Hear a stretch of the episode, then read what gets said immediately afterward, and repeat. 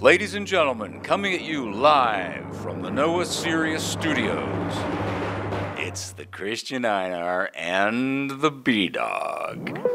And you're listening to The Pit.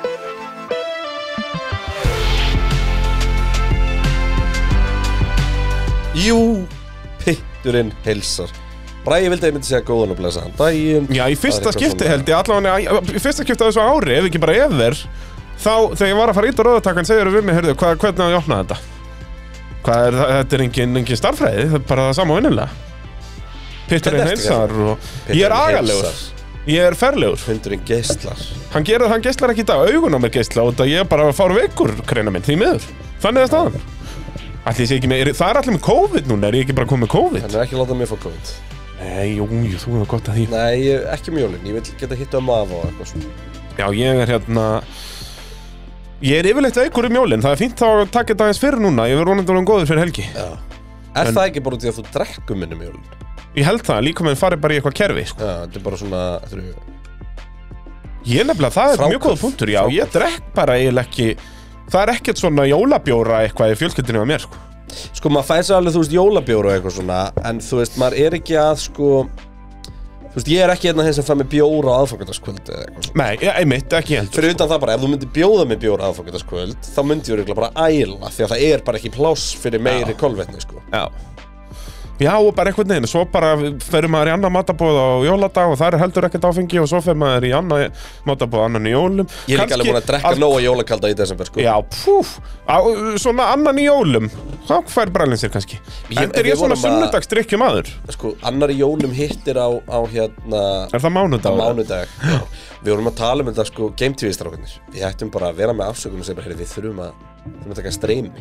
Taka svo bara eitthvað svona leti tölvuleika kvöld byrja bara að snemma og spila bara eitthvað fram með til kvöldi bara með jólabjóri í hendi og Af hverju hjólið í gíða maður það er mjög líklega að við gera. Eina viti Það var gullfallu þáttur hjá okkur í gær, boom Þetta var gaman. Live from the studio and whatnot. Já, fyrir þetta stúdíu, klistraðasta stúdíu Ísland akkurat Það er svoleiðis. Óli heldi niður tvísvar Já, Ólafur er náttúrulega gammalt maður og Ef Nú já, já. Honum tókst ekki alls hún tókst að prumpa í beinu útsettingu Já, sjálfsögðu, það er nú bara svona dóalegir hlutir. Það er bara basic. Hella niður. Já, En skiptur um tónlist líka? um tónlist? Já, hella niður og skiptur um tónlist. Þetta er uh, eðal rap frá uh, okkar allar besta bent, held ég. Ég var nú að sötra öl með bent á fimmtudaginn. Já. Búm, já, já, blessaði verðt Bara öllu bransaliðinu, bara honum að krömma eitthvað sótaðir á Dillon, það getur ekki klukka Mjög sennilega En ég menna, ég myndi, I do it again.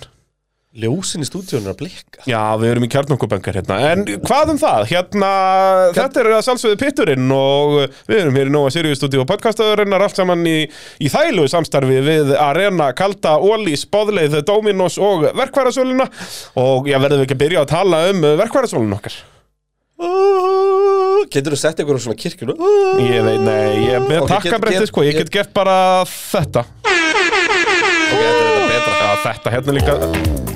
Þetta tvenn, ef að þú, seg, ef að þú myndir bara núna lendi bílslösliðin út á dega Já. Þá myndi ég mæta með takkabretti í jarðaföruna Já, hundra fjö, bara, svo bara bara- bara- bara þér hálsar. Nákvæmlega svo leið Og svo þegar ég er að fara út úr kirkjunni Og allir svona, ég bara trúi þess ekki Þá kemur Allir brjálæðir sko. Það er bara eina sem ég mun þurfa í jarðaförinu minni Það er þetta takabretti Þannig er það. Eh, Já, er það nokkuð? Það er bara nákvæmlega svoleiðis. En verkværasalan, ég er að horfa hérna á eitt kreinar beint fyrir fram að mig sem er með einhverja mest fabulous húi sem að sögðu þar af. Herði, ég gæti ykkur glæðari Sko, þetta er búið að og vera graðari. Reyndar. Hérna, ég, þú veist, ég ætla ekki að neita því. En, uh, sko, þetta, þetta var mjög skemmtilegt. Þetta var mjög skemmtilegt Því að, hérna, mástu við voru kunni panik Ég fæ fyrst eitthvað svona Hey, here's your tracking number Því að þetta er, þetta er Ég verða að viðkynna, ég var aldrei í neinum paningi sko. Ég veit ekkert hvað þetta er. Þetta er, ég er náttúrulega svo sem tók þetta svolítið að mér. Þetta er algjör prímjöfara Þetta er geðveikt flott. Það er sérst komin í pitsterhúa Já. fyrir fólk sem ekki veit hvað við erum að tala um. The Pit 2.0 hún, er að- hún er að rjúka út. Hún er til hún á vest.is Og ég held bara að hún verði ekki til á morgun Það geti sko. miða við að við Þú settir bara eitthvað löflittin á Instagram í, gerkvöld Já, bara á miðnætti. Og bara í morgun voru hvað 20 saldar eða? Já, bara klukkan átta. En þú er skottaðist með þetta upp í Þetta er verkvæðarsölu komið, þetta er komið En ég veit ekki hvernig dreymingið þeirra er Nei. Akkurat núna Hvort þetta fer í En á hvaða lag er að fórstu með þetta? bara aðal. Aðalagarinn, búm síðumólan, þannig að það eru til þar í dag allavega Já, ef ykkur vantar hann í dag röruð upp í síðumóla. Já. Um, Sko, við, við tókum inn einhverja 120 úr eða eitthvað. Þetta er ekkert rosalega mikið. Þetta er, þetta er alveg, þú veist, premium stuff. Já, já, Og hérna, en það sem að ég var á einn stressaði með Var að mér langaði rosalega að fá þetta fyrir jól. Því að síðustu jól, mástu, og byrjuðu að fá endurist að skilabóðum Bara, heyrðu hérna, bróður minn langaði sér svona peysu og hú eða eitthvað, þú veist já voru við með þetta fyrir jól þá eða? Ég, Nei, það var alltaf löngu búið Já, þú veist, voru við með þetta bara, síðan, bara um vorið síðast Hvernig var, ég man þetta ekki Derhúðnar, kom ekki hérna Fyrstu derhúðar komin náttúrulega bara 2020 sko. Er það? Já, Nei, ekki á fyrsta ári, var það? Jú, manstu, við vorum með pittin og þær voru að rjúka út sérst, fyrsta pittin live bara í smáralindinni, þá var þetta rjúkut eins og heita lumur Var það ekki vorið 21? Það getur verið Það var vorið 21 Já, það er það bara þarna það. mars 21 já, já, já, vetur 21 Já. já.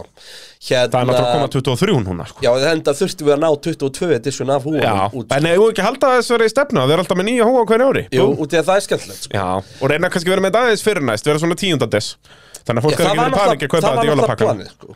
Svo náttúrulega sketu, þetta allt. Og svo fæ ég tracking-númer á þetta og eitthvað og það er bara, þú veist, 16. des Ísland. Búm, negla, til í þetta.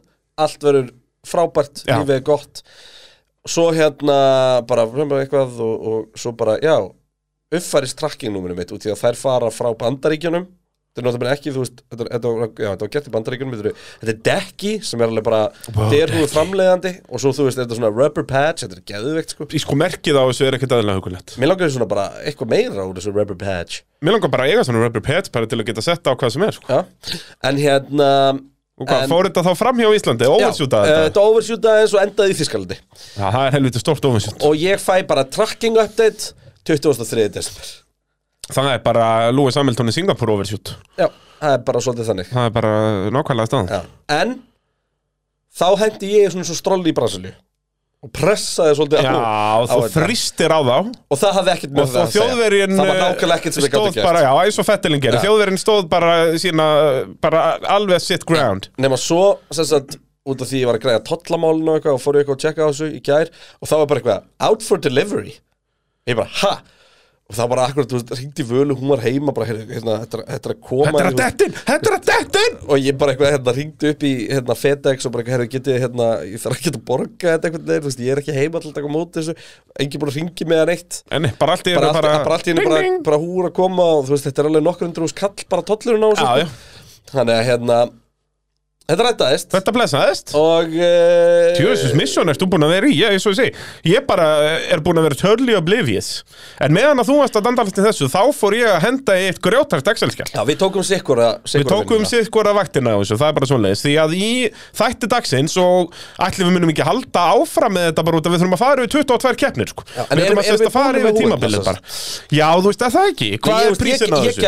um endalust Þetta er bara ekkert hugvölu húfa Hvað kostar þetta hjá okkar allar besta fólki sko, á það, það er á 5 vffs.is? og 9 5.990, boom Já, og verkefnarsalinn náttúrulega bara indisleg og segja bara, heyrðu, við bara þetta, þetta er ekkert að fara í einhvern rekstur hjá okkur þetta er bara, Þetta er bara reddið fólk, þessu en við ákvaðum í raun og veru að vera freka með þú veist, já, og því við erum ekki að taka miljón stykki og eitthvað svona dót, þá er þetta alveg præsi sko, en Já. þetta er samt ekki præsi með hvað svona fabulous derhúður kosta annars það sko. Já, ég er náttúrulega ekki mikið á derhúa markaðanum, sko, þannig ég þekki þetta ekki. En eina sem ég veit er að hún er ekkert eðlilega fabulous. Hún er ógeðslega flott, ég Það er ógeðslega ánægð með hana. Ég vil að á næsta ári bara höldum við svipaðan stíl bara í annan lit eða eitthvað. Það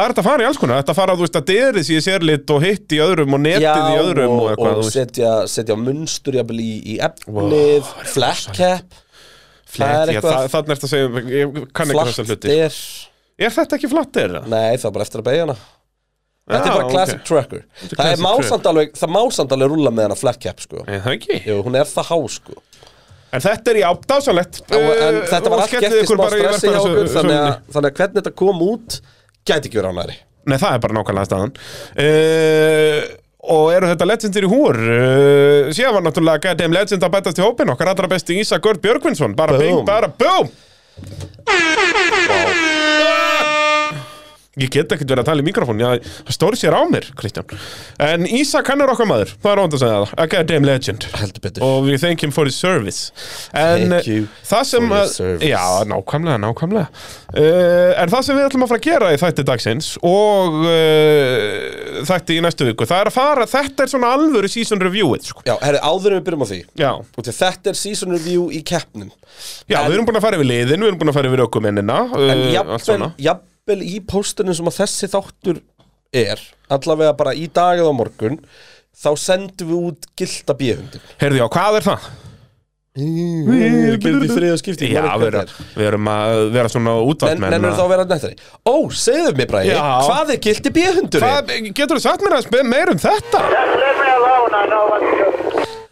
Við erum ekki fyndir hennar morgun Nei, ég er lasin, hættu þessu. Já. Hérna, gildi bíhundurinn er árleg hlustenda könnun Búm. Við erum skipt upp í tvo hluta á þessinni. Það var, við viljum fá smá svona bara vita meira um ykkur, þú veist, það kemur eitthvað svona smá, þú veist, bara allt Bara í hvernig nærbuxum þú ert og Já, eitthvað. hvernig nærböksum og, og eitthvað þannig Og uh, síðan erum við bara, búm, ökumarásins, búm, klúðurásins, búm, framraksturásins og svo framvegis og þú fær bara valmöguleika. Þá er líka gott að við erum búin að vera að fara núna yfir alla keppninar Svona að fólki fái refresher heldur betur. Og ég þarf það. Já. Ég nefnilega, þetta er magnað, ég var að fara Ég yfir man þetta. ennþá eftir því þegar Hamilton og, og, og, og Max Verstappen klest okkur í Saudi til dæmis. Því að það náttúrulega gerðist bara, ég, ég man ekkert hvort hérna voru með tvekja vegna millibili sko. Það ertu að tala um 21 og 22 það var bara, þetta, þú veist, þeir voru alltaf farnir þeir voru mættir aftur. Já, þeir já. sérst að Saudi verið opna keppnin ekki í ár heldur næsta ári. Já, nei, ég var ekki búin að það sjá verið það. bara opna keppni hérna frá Þeir Sem voru ég, að gera smá tweaks að brautinu núna. Ég veit ekki hversu mikið ég fíla það Nei, Mér alls finnst ekki, þetta er spes braut. Já, Við hún á maður á einmitt að hafa vera- plain braut til að byrja með. Já. Bara einu mjög fín. Já, bara einu bara gett basic Ástrali er meira þess að eiginlega of Það er bara stemming í því Já. en, en hún er eiginlega of En þú veist, mikið, hafa þetta helst bara spán Þó að það er náttúrulega hægt í mars En þú veist, bara einhverja mest Þeir, hafa bara alltaf Abu verið að Dhabi testa í, á Spáni í mars Já, já, þá er samt alveg í mínus Nei, Abu bara Dhabi fimm gráður. væri bara þrjusu fíl fullkomið, þú veist, út af þá fá þeir alveg svona þessa stemmingu sem þeir eru að leitast eftir, ekki alveg að samáta þessu loka, en fá meiri spenning, uh, stemmingu heldur en venjuleg keppni. Af hverju er Abu Dhabi ekki fyrsta keppn? Svona ándjóks, það var ekki Veit ekki Það uff, rosalegt. En já, nú ætlum við sérst að fara yfir allar keppnir tímabilsins og ég er búin að gefa þeim engun, þannig að við getum á endanum farið yfir engarindar á öllu til að sjá hver á besta keppnin og allt svo leiðis og, og þú getur farið að raugraða mig uh, um það hversu háa lágar engarindar eru. Já, uh, og já, þannig að nú ætlum við svona já, fara yfir sísonið keppni eftir keppni og við gerum þetta bara í réttir röð við ætlum ekki að setja þetta í einhverja bjánulega röð við ætlum að gera það bara í endan já, nákvæmlega, nákvæmlega þannig að, uh, já, þá byrjum við bara bara einn opna keppnur 2022 Geggjuð. uh, heldur betur uh, nú er ég náttúrulega með skjali góða fyrir, ert þú að horfa á skjali líka? Nei, hvað er skjálið? Já, það er nákvæmlega Hva, Hvað getur þú satt með fyrir bara einn? Var þetta góð keppnið það? Hvað myndir þú gefa henni? bara einn var frábær keppni Því að uh, í allri óvissunni Þú veist, allt bara frá, frá hérna Frá tímatökum og yfir í keppna Þá var allt mjög óljóst ferðir og við náttúrulega testingið var bara eitthvað líka. kláraðist bara rúmri viku fyrir, skilur og svo Charles að hérna, já og, og einmitt, þú veist, Haas að standa sig vel, Mhm. McLaren að skýta, Aston umurlegir, Bottas Vettel ekki geggjaður. með, Bottas geggjaður, Magnussen geggjaður, hann er bara nýmættur, Já. en svo náttúrulega þetta, þessi dramatík sko að við fengum við fengum rauninu alveg eins byrjun á 2021 þar sem við vorum með tvo sikra bíla berjast um sigur í fyrstu keppni. Nema að mörguleiti var að meira spennandi þarna. Var komið nýtt nafn. Var komið nýtt nafn og líka út af því að þú veist þarna verstappen Hamilton dæmið 21 var raun og bara tvö atviki keppni en mástu þeir voru að skiptast á hérna, Leclerc að gefa hérna, DRS-kablan út til hún að vantaði top speed og eitthvað svona dót og svo náttúrulega bara dramatíkin þegar báði Red Bullinni stoppa þarna Já. á síðustu hvað, Fyrir- ringjónum eða eitthvað. Já, sko, Vestapen dettur út á þriða síðasta ring og Peres á síðasta ring Já, akkurat. Bara fáralegt, en eh, nákvæmlega Leclerc með hann ráspól og maður bara heyrðu holy shit, þetta er rétt. Og Benz hverki sjáanlegir og eitthvað bara heyrðu þetta er bara að fara að Já, líka Já, já, bara það er náttúrulega stærsta fréttin hann að Benz voru bara ekkert í slagnum. Uh, og náttúrulega porpoising í góða við töluðum ekkert um annað heldur en helvítis hossið og, og skoppið. Þú vil er í fegin að það datt nú Já, Guðminn almatur uh, En bara episku slagur um fyrsta sendið Milli Max og, og Leclerc.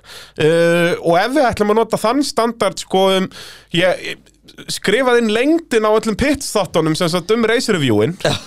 Og ef, ef að það var í standardin þá var bara einn besta keppn því að við töluðum mest um hana. Við töluðum í 2 klukkutíma og 23 mínútur um hana.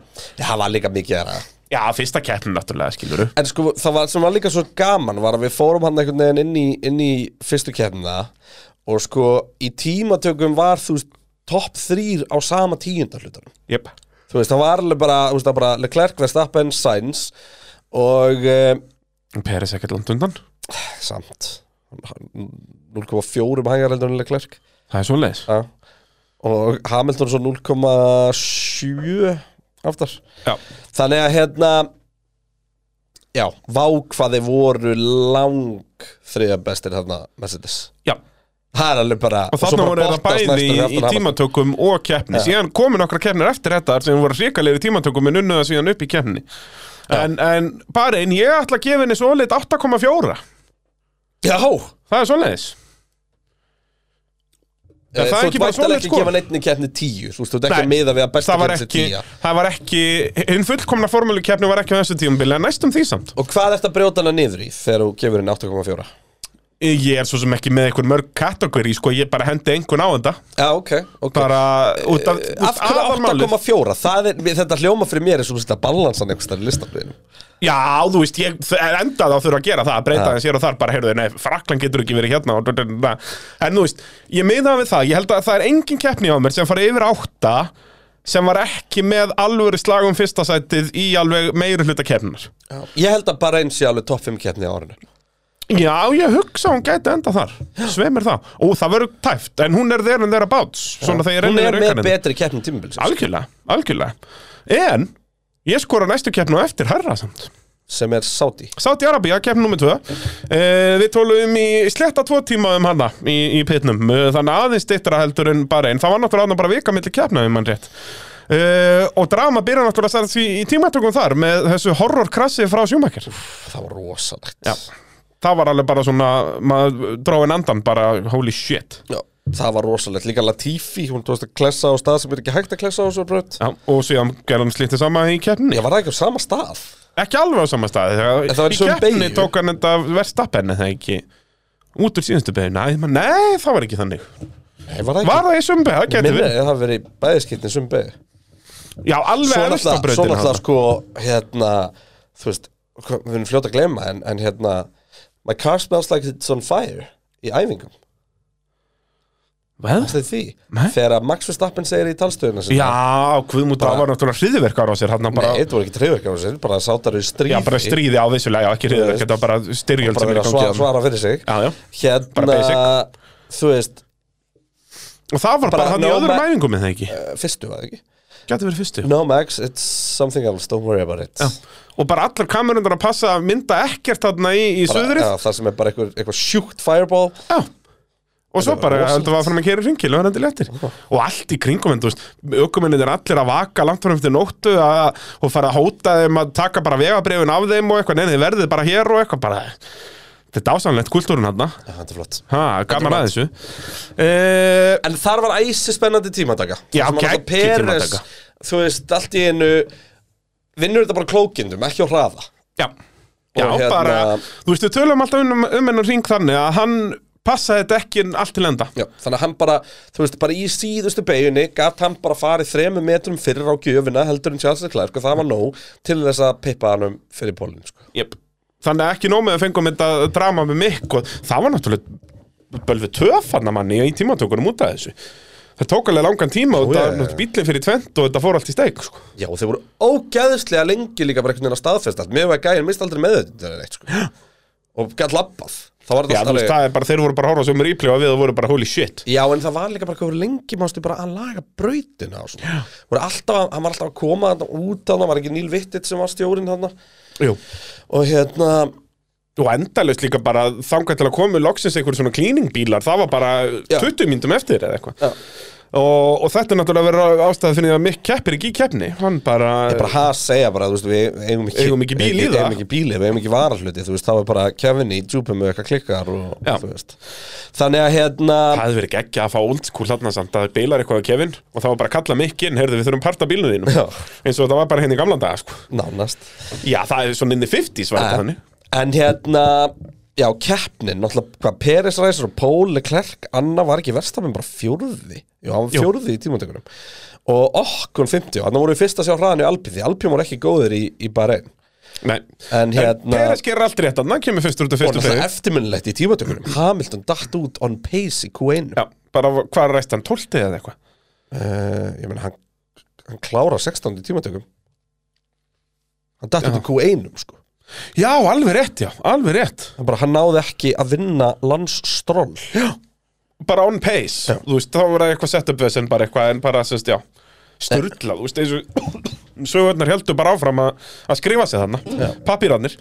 Uh, en já, Peres gerir allt rétt til að byrja með, náttúrulega magnaðu slagur þarna bara á strax snemma í keppnum milli alpínökumannina þeir voru bara hlið við hlið bara í þrjá ringi streitið eða eitthvað sem var alveg fórsjáttun yfir það sem að, áttu síðan eftir að gerast eða þeir áttu eftir að halda áfram að, að berjast uh, Svo er Peresast fyrstur af fronturunum að fara inn og það er unnilega Klerk svolítið pressar hann í það pitstop en þú veist, jú, það kannski er bara örlítið og Red Bull snemt bara að en vera aggressífur í pitstop ég segja það og þeir gerðu það allt tímabilið En þá og kom allt í góðu. öryggisbíll, ekki? Jú, þá krassar Latifi bara ringað eftir skilu, ja. þeir ætlu allir að koma inn bara tímabilið þróaðist þannig við sáum það alveg um leið og einn fer inn að þá elda allir hinn og Peres búinn með stoppið þá kemur örgisbíl og hann dettu bara nýri fjórða og gæti aldrei gert neitt bara á þetta 100% keppni sem hann átt að vinna en þú veist, það hefði verið gaman samt að sjá það ef að þú veist, Verstappen og Leclerc hefði verið sá endanum að berast um annarsætið út að Peres hefði nú ekki verið langt á undan sko. Nei, ef hann hefði verið á undan yfir verið, verið bara þeir þrjá slást sko. ég, ég, ég held það sko, sem hefði verið störla En í staðin fengum við bara geðveikan slag á milli verstafinn og Leclerc Já, störla, við fáum náttúrulega svolítið mikið af uh, áraukstrum og svona dótið, þá komar alveg nokkur öryggisbílar og dót.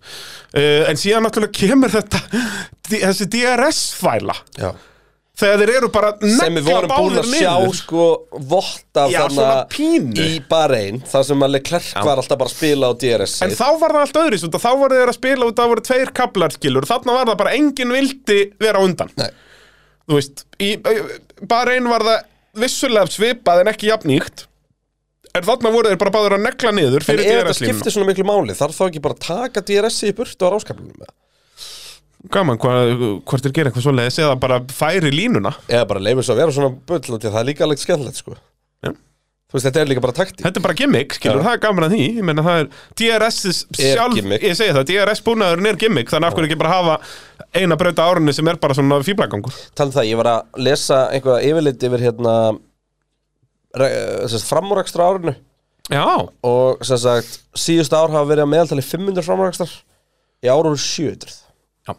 Þannig það að kemur bara ekki eh, neitt á óvart. Það nei. var alltaf, Já. þú veist, hversu oft sögðu við í, í revíunum eftir kjarnar að Þú veist, heyrðu, síðan fengum við bara ekki að sjá þess að bara framúrakstra það hvað við fengum hérna Jú, við, já, mennur í fyrra eða Nei, ár, skilur, það er svo mikið að Já, framúrakstra já, fengum ekki að sjá já. Já.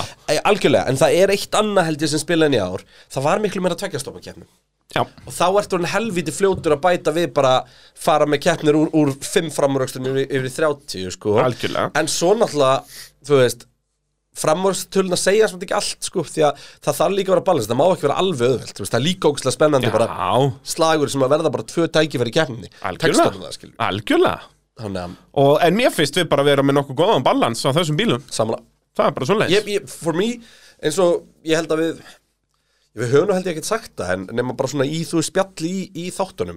En fyrir mér er þetta bara success, þessar reglur. Algjörlega, já, það er rétt, við höfum ekki svona Við höfum ekki greint það. Ég segja það, en ég ég er 100% samanlega Þetta er bara, og eins og ég segi, ég get ekki beðið eftir næsta sísoni með, þú veist, þá hljóta Benz að koma sterkar inn og spurning hvort að Ferrari missi eitthvað pace það þarf ekki endilega að vera, Red Bull vera pottit á toppnum, þú veist þeirna þeirra bát það verður bara störla Ég held það sko. og hversu fljótt líka, þú veist, með kostkapinu og núna við fáum engar stóra reglubreitingar næstu árin, erum við að fara að sjá loksins mittfíldliðin geta berja, barist, þú veist.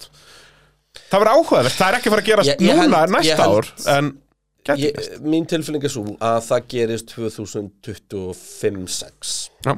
Eða 2025 Já, það, það er já. síðasta árið fyrir síðan hann náttúrulega koma vélabreitingarnar Já, sko. og bílabreitingar og bílabreitingar Þannig já, En bílabreitingarna verða framþróun á núverandi reglum Já. Sko, það sem er líka svo spennandi þar er sko að þú veist til dæmis eru Aston Martin stóra breytan þar. Algjörlega. Því að þú veist, þar er núna hvenær á að afhenda þeim nýju vestmiðuna í mars. Já, þú veist, hún verður ekki fully functioning alveg fyrir tímabilið en svona, jú, basically. En þú veist, í byrjun næsta tímubils verður Aston Martin með bestu aðstöðun af öllum á liðum. veist, við, við erum bara þar Já. Bara eina sem er með vindgöng sem er ekki orðin 15 ára gömul yep. Já, og bara Og þeir bara- tóku skoplastunguna bara kortir áður en kostskapið var sett á Já, já, það var svo- alveg, var alveg einhverja, Já, já. einhverja verktaka, sko. Nei, en það eru samt til hliðar reglur um Já, facilities, algjörlega, og Þú þetta var er legit. Þetta er ekki, þeir eru ekki núna eitthvað bara, heyrðu, já, hvernig við að borga hérna Nei, alls 100 ekki. miljonar hérna, ekki, faktoríu alls og var- samt. Það var ekkert, ekkert svindl í gangi, sko. Með mig, og hérna Þannig að um, ég held að uh, sé 25 sammála þessu, verði- 25 já. og jafnvel bara strax á næsta ári. Þú veist, ég, Já, ég, ég hugsaði, þú veist, það, nei, ekki 23, 24 já, 24, já 24, 23 25 verður ennþá svona svipa á þetta var núna Já, vonandi bara að Ferrari haldi áfram á saman trajektori og mæti Já. með góðan bíl og núna þá með nýjan þú veist, þeir eru búin að vera í þessum slag það er helviti margt til að skoða þennan veturinn Já, og fara yfir og bæta sig. til að gera sem mistökin aftur. Búm. Já, ég er reyndar hef alveg lúmska trúa fyrir þetta svo, sko. Mér, Já, veist, já, einmitt, en það er bara, en vandamáli er held ég ekki á þessu leveli. Nei. En hérna, en eh, sama hvað það er þú veist, eh, drauma drauma við fáum Red Bull Mercedes Ferrari hot as hell inn í fyrstu kefni og munurinn á Ferrari og, og Mercedes sem challenge-inu mútið Red Bull er að Mercedes gef ekki eftir í slagnum Jep. Ferrari gera það. Ferrari er bara svolítið viktlið Algjörlega. Ferrari þarf að koma ef þessu staðan núna, ef Ferrari ætlar að heimsmyndstara næsta ári þá þur, þarf að vera alveg talsverði yfirbyrður í byrjun tímubils Já. Samanlega, og þeir mun ekki hanga all, í 23 keppnir sko. eða 24 er Ólíklegt, sko. Uh, en já, Saudi Arabia þarna uh, DRS-dramað störlað og þetta enda náttúrulega á Max nær fyrsta sendinu á þriðja síðasta hring.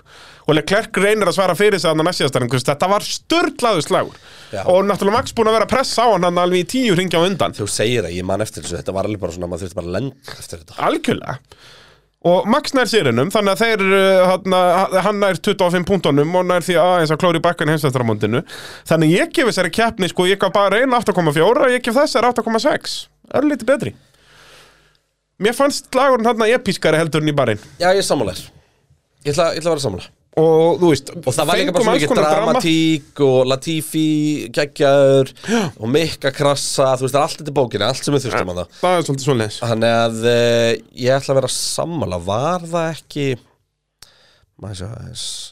Nei, já, Ricardo bilaði þannig Já, þannig það bilaði allir og Bottas bilaði, Alonso bilaði. Já, ég meina, þú veist, líka bara ef maður horfir á hérna hvernig keppnin endar Þú veist, yfir línuna er hálf sekundum milli verstafinu Leclerc. Já. Það er Það eru tvær sekundur milli Peres og, og, og, og Sainz. Ok, svo er Russell bara in a no man's land. Jep. En svo er sko minna en tíundar hluti á milli Okkon og Norris.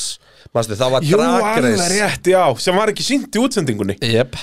Um, Alveg rétt Hérna Þetta hann var búin að vera, þeir var búin að sækja og sækja á hann alveg síðustu tíu ringina já, Og það eru bara 12 bílar sem klára sko. Já, manstu, þeir hrund allir hann eiginlega á sama ring Já, þeir lögðu þarna þrýr bara Já, í Bott- pitt entry Já, Bottas er að fara inn í pit. Alonso og Ricardo stoppa bara á pit entryinu. Bara a- allt á sama ring og svo náttúrulega var annað krass þarna líka. Var það, nei hvað, svo nótans byrjar ekki? Uh, Latifi krassar Albon krassar í restina Eða sko, hann hættir Já. með collision damage. Já, Það já. er ekki accident, þannig að hann verður ekki Það var hætt. ekki annað krass, næ, ég mann Yuki Tsunoda sprengir vél. Hann náttúrulega byrjar ekki keppnina, sko. Alveg rétt. Hann bara uh, did not uh, Og þá, start. það var ekki eins og uppbyndinni, það var sætinu Já, Já. bara DNS Alveg rétt. Þannig að, eins og segið, þessi keppni hafði allt. Og svo lit 8,6 Og það, eins og segið, það var mikið líka Fair enough, þetta var einn besta Framúrakstur. keppni ásins Fyrsti ringurinn var geggjaður Bara fullt af, af svona litlu scramble og, Sáti er helviti skemmtileg brot Hún er geggjuð. En eins og segið, mér mér finnst hún of, það, mér mér finnst hún sóuð sem fyrsta keppni. Út af fyrsta keppni má alveg vera boring braut.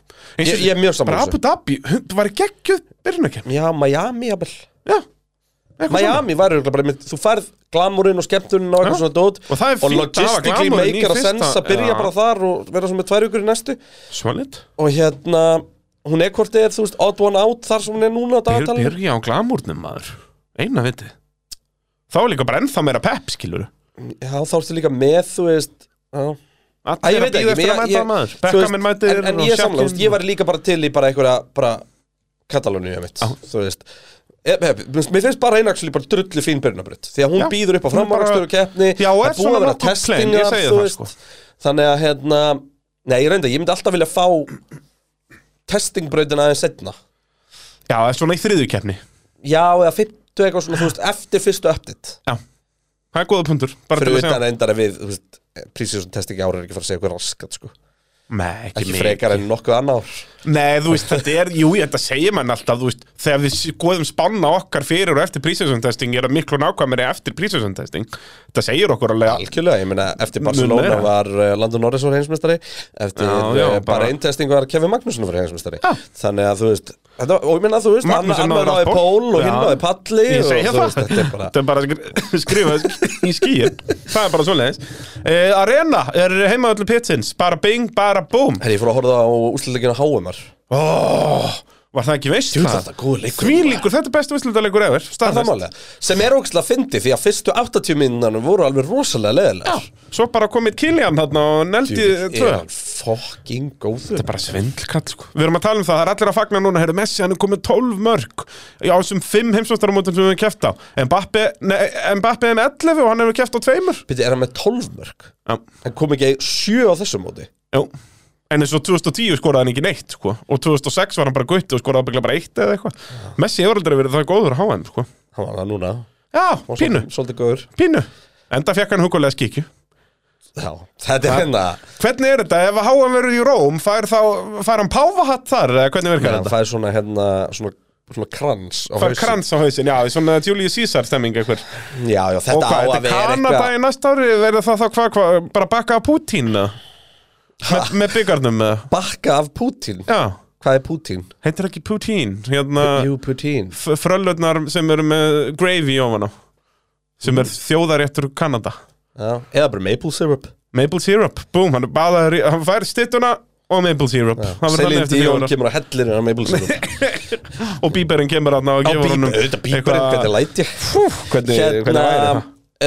um, uh, Nei, það var alltaf einhver Ég er búin að heyna einhverja skýringar á þessari skikju sem er þetta er sem er alveg pínu sögulega nektar Já, sko. þú veist, þessi, fólk var að glæðast í þess að skikju löngu áður en að fólk kom til Ísland, sko já, já, þú veist, þetta var þetta eitthvað er svona aldar gömul hefð, sko Já, og þú veist, warriornir er það sem snéru sig, úr sigri. Ég segi það, þetta er alveg svona En mér er samt alveg sama Ekki, bara, það, það, það hefur aldrei verið HM, þú veist, íþróttir á ekki þetta er ekki að snúast um eitthvað svona, sko. Nei, nei, en það er, En það það er það ástæða fyrir að Katar er að borga fyrir þetta það bara, þetta er bara markasetning Það er bara svona leis En uh, já, að reyna um að gera kíkja þanga núna í off-seasoninu og næla sér eðal pítsur og hafa það náðut Já, Það er bara svona leis það er það. Uh, Ástralía var þriða keppni tímumbilsins uh, Við töluðum í 2 klukkutíma og 20 mínútur um hana. Það var næst Það lengsti þátturinn. Það var einn mest hlustaði þáttur á sig ég held að það verður til að fólk nefndi ekki að vakna að horfa á kemna. Gæti verið, hlustaði bara pittin, búm. Hver veit, hver veit. Uh, Í minningunni var ástæðlega leðileg Já, En það út í ég var að sopna í útsettingunum Öllum nema kemni það er rétt Við vorum góðir í basli. Já, voru flottir í keppninni. En ég var í tómu Já. basli þarna. Æfingar og tímatökur voru ekki fóðilegt fyrir greinarinn. En ég var að leggja mig í sófanum á milli. Ég náttúrulega bara Skiptir engum máli hvað klukkan er í honum. Nei, ég bara græja það í vikunum fyrir að snúa sólarinu ég sko, en það ekki. Nei, það er merkilega erfitt svona fyrir vinnandi fólk. Já, með fjölskyldu. Og með fjölskyldu, það er tómt basl. Já, og svo að geta ekki sko bara eins og við gerðum í, þú veist, Japan og svona að fara að sofa umkvöld Akkur hittu báða nætukeppnar á eitthvað, hérna Japan hitt á stóramæli hjá konunni minni? Alveg rétt. Þess vegna tók Gunni og þú úti. Já, ég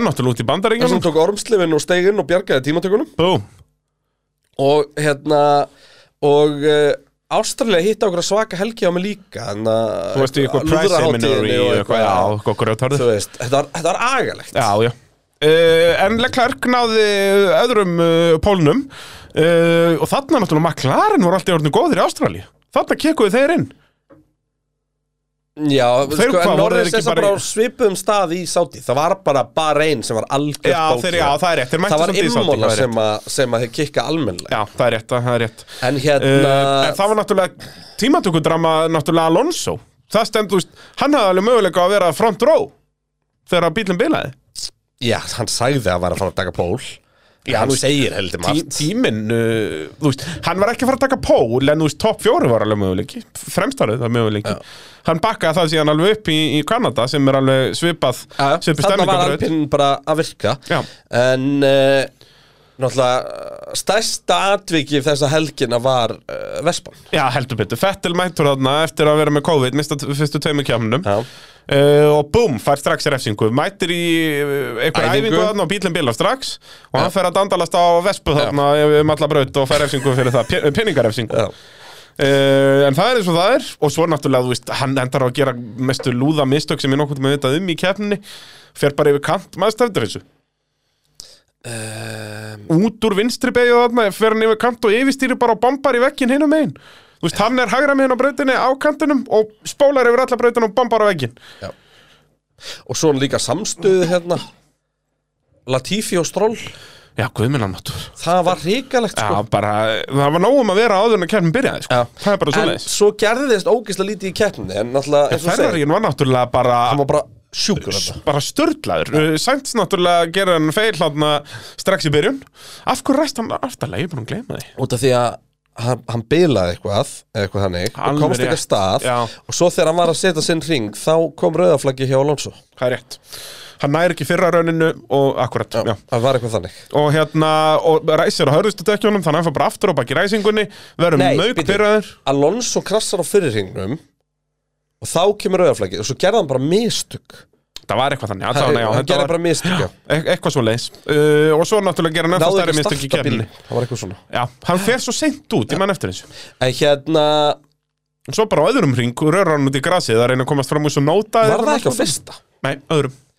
Hann var á öðru Já, Það hann er er að- ennþá lýra Já, já, og á fyrsta ring var hann samt bara, þú veist, hann tapaði bara sætum. Sainz bara Þú veist, Sainz var búin að hörku hraðar alltaf helgina. Hann alveg þetta, Hann upplýði sig sem að þarna var í fyrsta keppni sem hann ætlaði að vinna. Algjörlega. En hann bara ofpeppaði svo mikið Hann, bara, hann var bara ekki tilbúin í þessu aðstöðu. Já, já hann ætlaði bara að vinna þetta allt á einum ring, skilur Já. Þú veist, eftir á að hyggja, ef þú horfur á keppnina Hann hafði ísílinu á öðru seti þarna, sérstaklega út af Vestappen datt úr leik. Hann hafði alltaf, allan tíman unni Peres Bara easy. Allan daginn, út af með Ferrarín var störtlaðar miklu Ég hraðari meina, Leclerc var bara búin að stinga af Já, síðan kemur alltaf öryggisbíllanum miðjan keppni og þá eh, svona reynir Maxi eitthvað aðeins í endurræsingunni, gengur ekki neitt.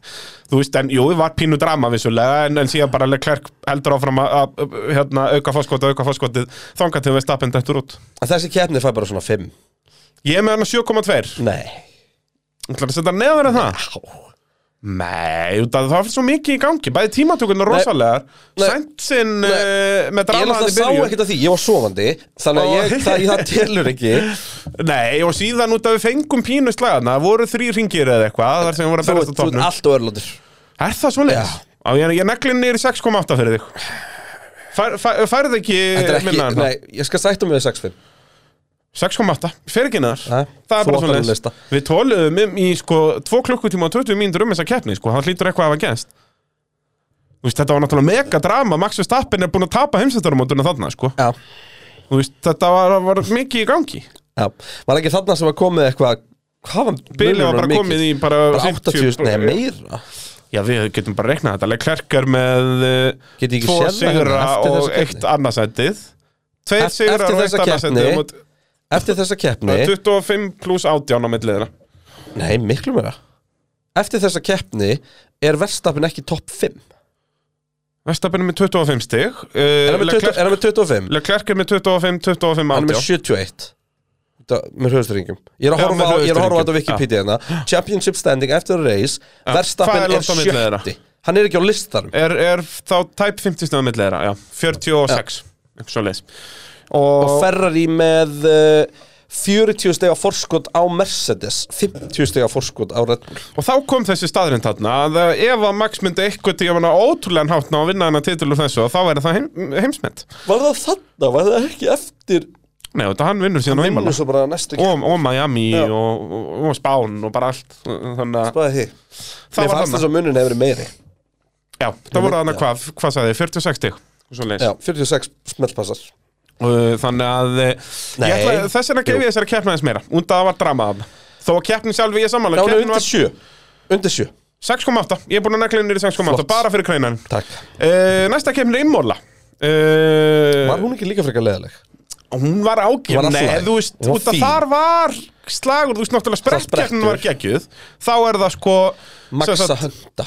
Já, og endar á komast Nei, býtu, Max var að ráspólu Leclerc kemst fram úr Já, það var þannig Leclerc ræsir fyrstur í keppninni En tapar fyrir Max í uh, hérna Nei, fyrstu Max beygju. vinnur sprettin Max vinnur sprettin Já. Ok, En, Leclerc, hann, já, en já. hann, þetta er rétt hjá þér Leclerc fór fram úr honum í startinu Í sprettinum Alveg rétt og svo svara Max Já, alveg rétt. Sprettur var nefnilega geggjaður. Já. og, og tímatakan uh, ágætt líka á Og það var bara á föstudeginu 19. hring á 21 sem að uh, verðstapin fyrir fram úr Leclerc aftur í sprettinum. Já, akkurat. Þetta var alveg, þeir voru bara búin að vera nekki nekk Það er allir rétt, Þetta var spret- eins og sátt í bara. Sprettinum var góður. Geggjaður. Svo náttúrulega rigning í keppninni Þannig að við fengum hann að drama í fyrstu beigju Þannig eitthvað eh, Ricardo Ri- keyrir aftur á og Sainz. Og, og Mikkin í hliðin á Alonso Alonso andar á dettu leik og all, all bodywork í Já, dettur á bílum alveg rétt Og þeir enduði 9. og 10. seti í sprettinum Já, já uh, Hasin andan bara í þægilegu 8. og 10. í sprettinum Já, manstu, í byrjun tímbils voru við alltaf að nekla Magnús en náða til í áttundasetti í spátumskemni Þannig að- Ól segir uh, En annars, og ég segi Keppni var náttúrulega ekki spes. Þetta voru náttúrulega bara allir framúrvaktar en það gerast á sama stað. Já, Bara og, hún í fyrstu og beigju uh, þetta var eina sem myndi okkur á hvað rigningakeppnar geta líka verið leðilegar Já, það mátti ekki fara út úr línu Eina dramatíkin í þessari keppni var auðlalegt spinn hjá Charles Leclerc eftir fyrsta ring, skilur við Já, akkurat uh, hún fær ekki að hafa bara, með. að, bara Russell sem að náði að svona einhverjum flottum framúrækstri en það var satt nóg af framúrækstri Já, þetta var bara allt DRS á hana, uh, eitthvað Akkurat, En Russell náttúrulega næra að vinna sig ógeðslega mikið upp samt Já, annað en Hamilton, það var það líka önnur saga Alveg þarna. Hamilton endar bara 11. bara 13. 13. já. Þó að hann lendi ekki inn inn vesinni. Þú veist, Hann er bara á milli Gastli, Okkon og Joe og Latifi. Hann er bara, með alveg rétt Þetta var, þetta var hérna DRS lest sem að Albon leiddi og svo Gastli, Hamilton uh, Okkon, hérna, Joe og Latifi voru bara allir í lestinni Akkurat. En Norris náði að klýra þetta var það ekki eitthvað? Hann lendi, nei, það var í fyrra, sorry. Sem að hann Já. Sannaði að hann gæti eitthvað eða þú veist uh, Já, er að sannaði að hann gæti eitthvað heldur að hann náði að vinna sig upp listan sem að þegar engin annar var að náði Já. en hérna, Já, verst snildarlega gegn Hamilton hann á 21 já, og svo líka ógæslega fyndi út því að náttúrulega, hérna, Leclerc, nei, Russell kláraði framúraksturinn á Botta sem hann kláraði ekki í 21 Já. Við fengum endur, endursýningu af því. En já, Red Bullin náttúrulega var með besta keppnispeysi Þannig að við vorum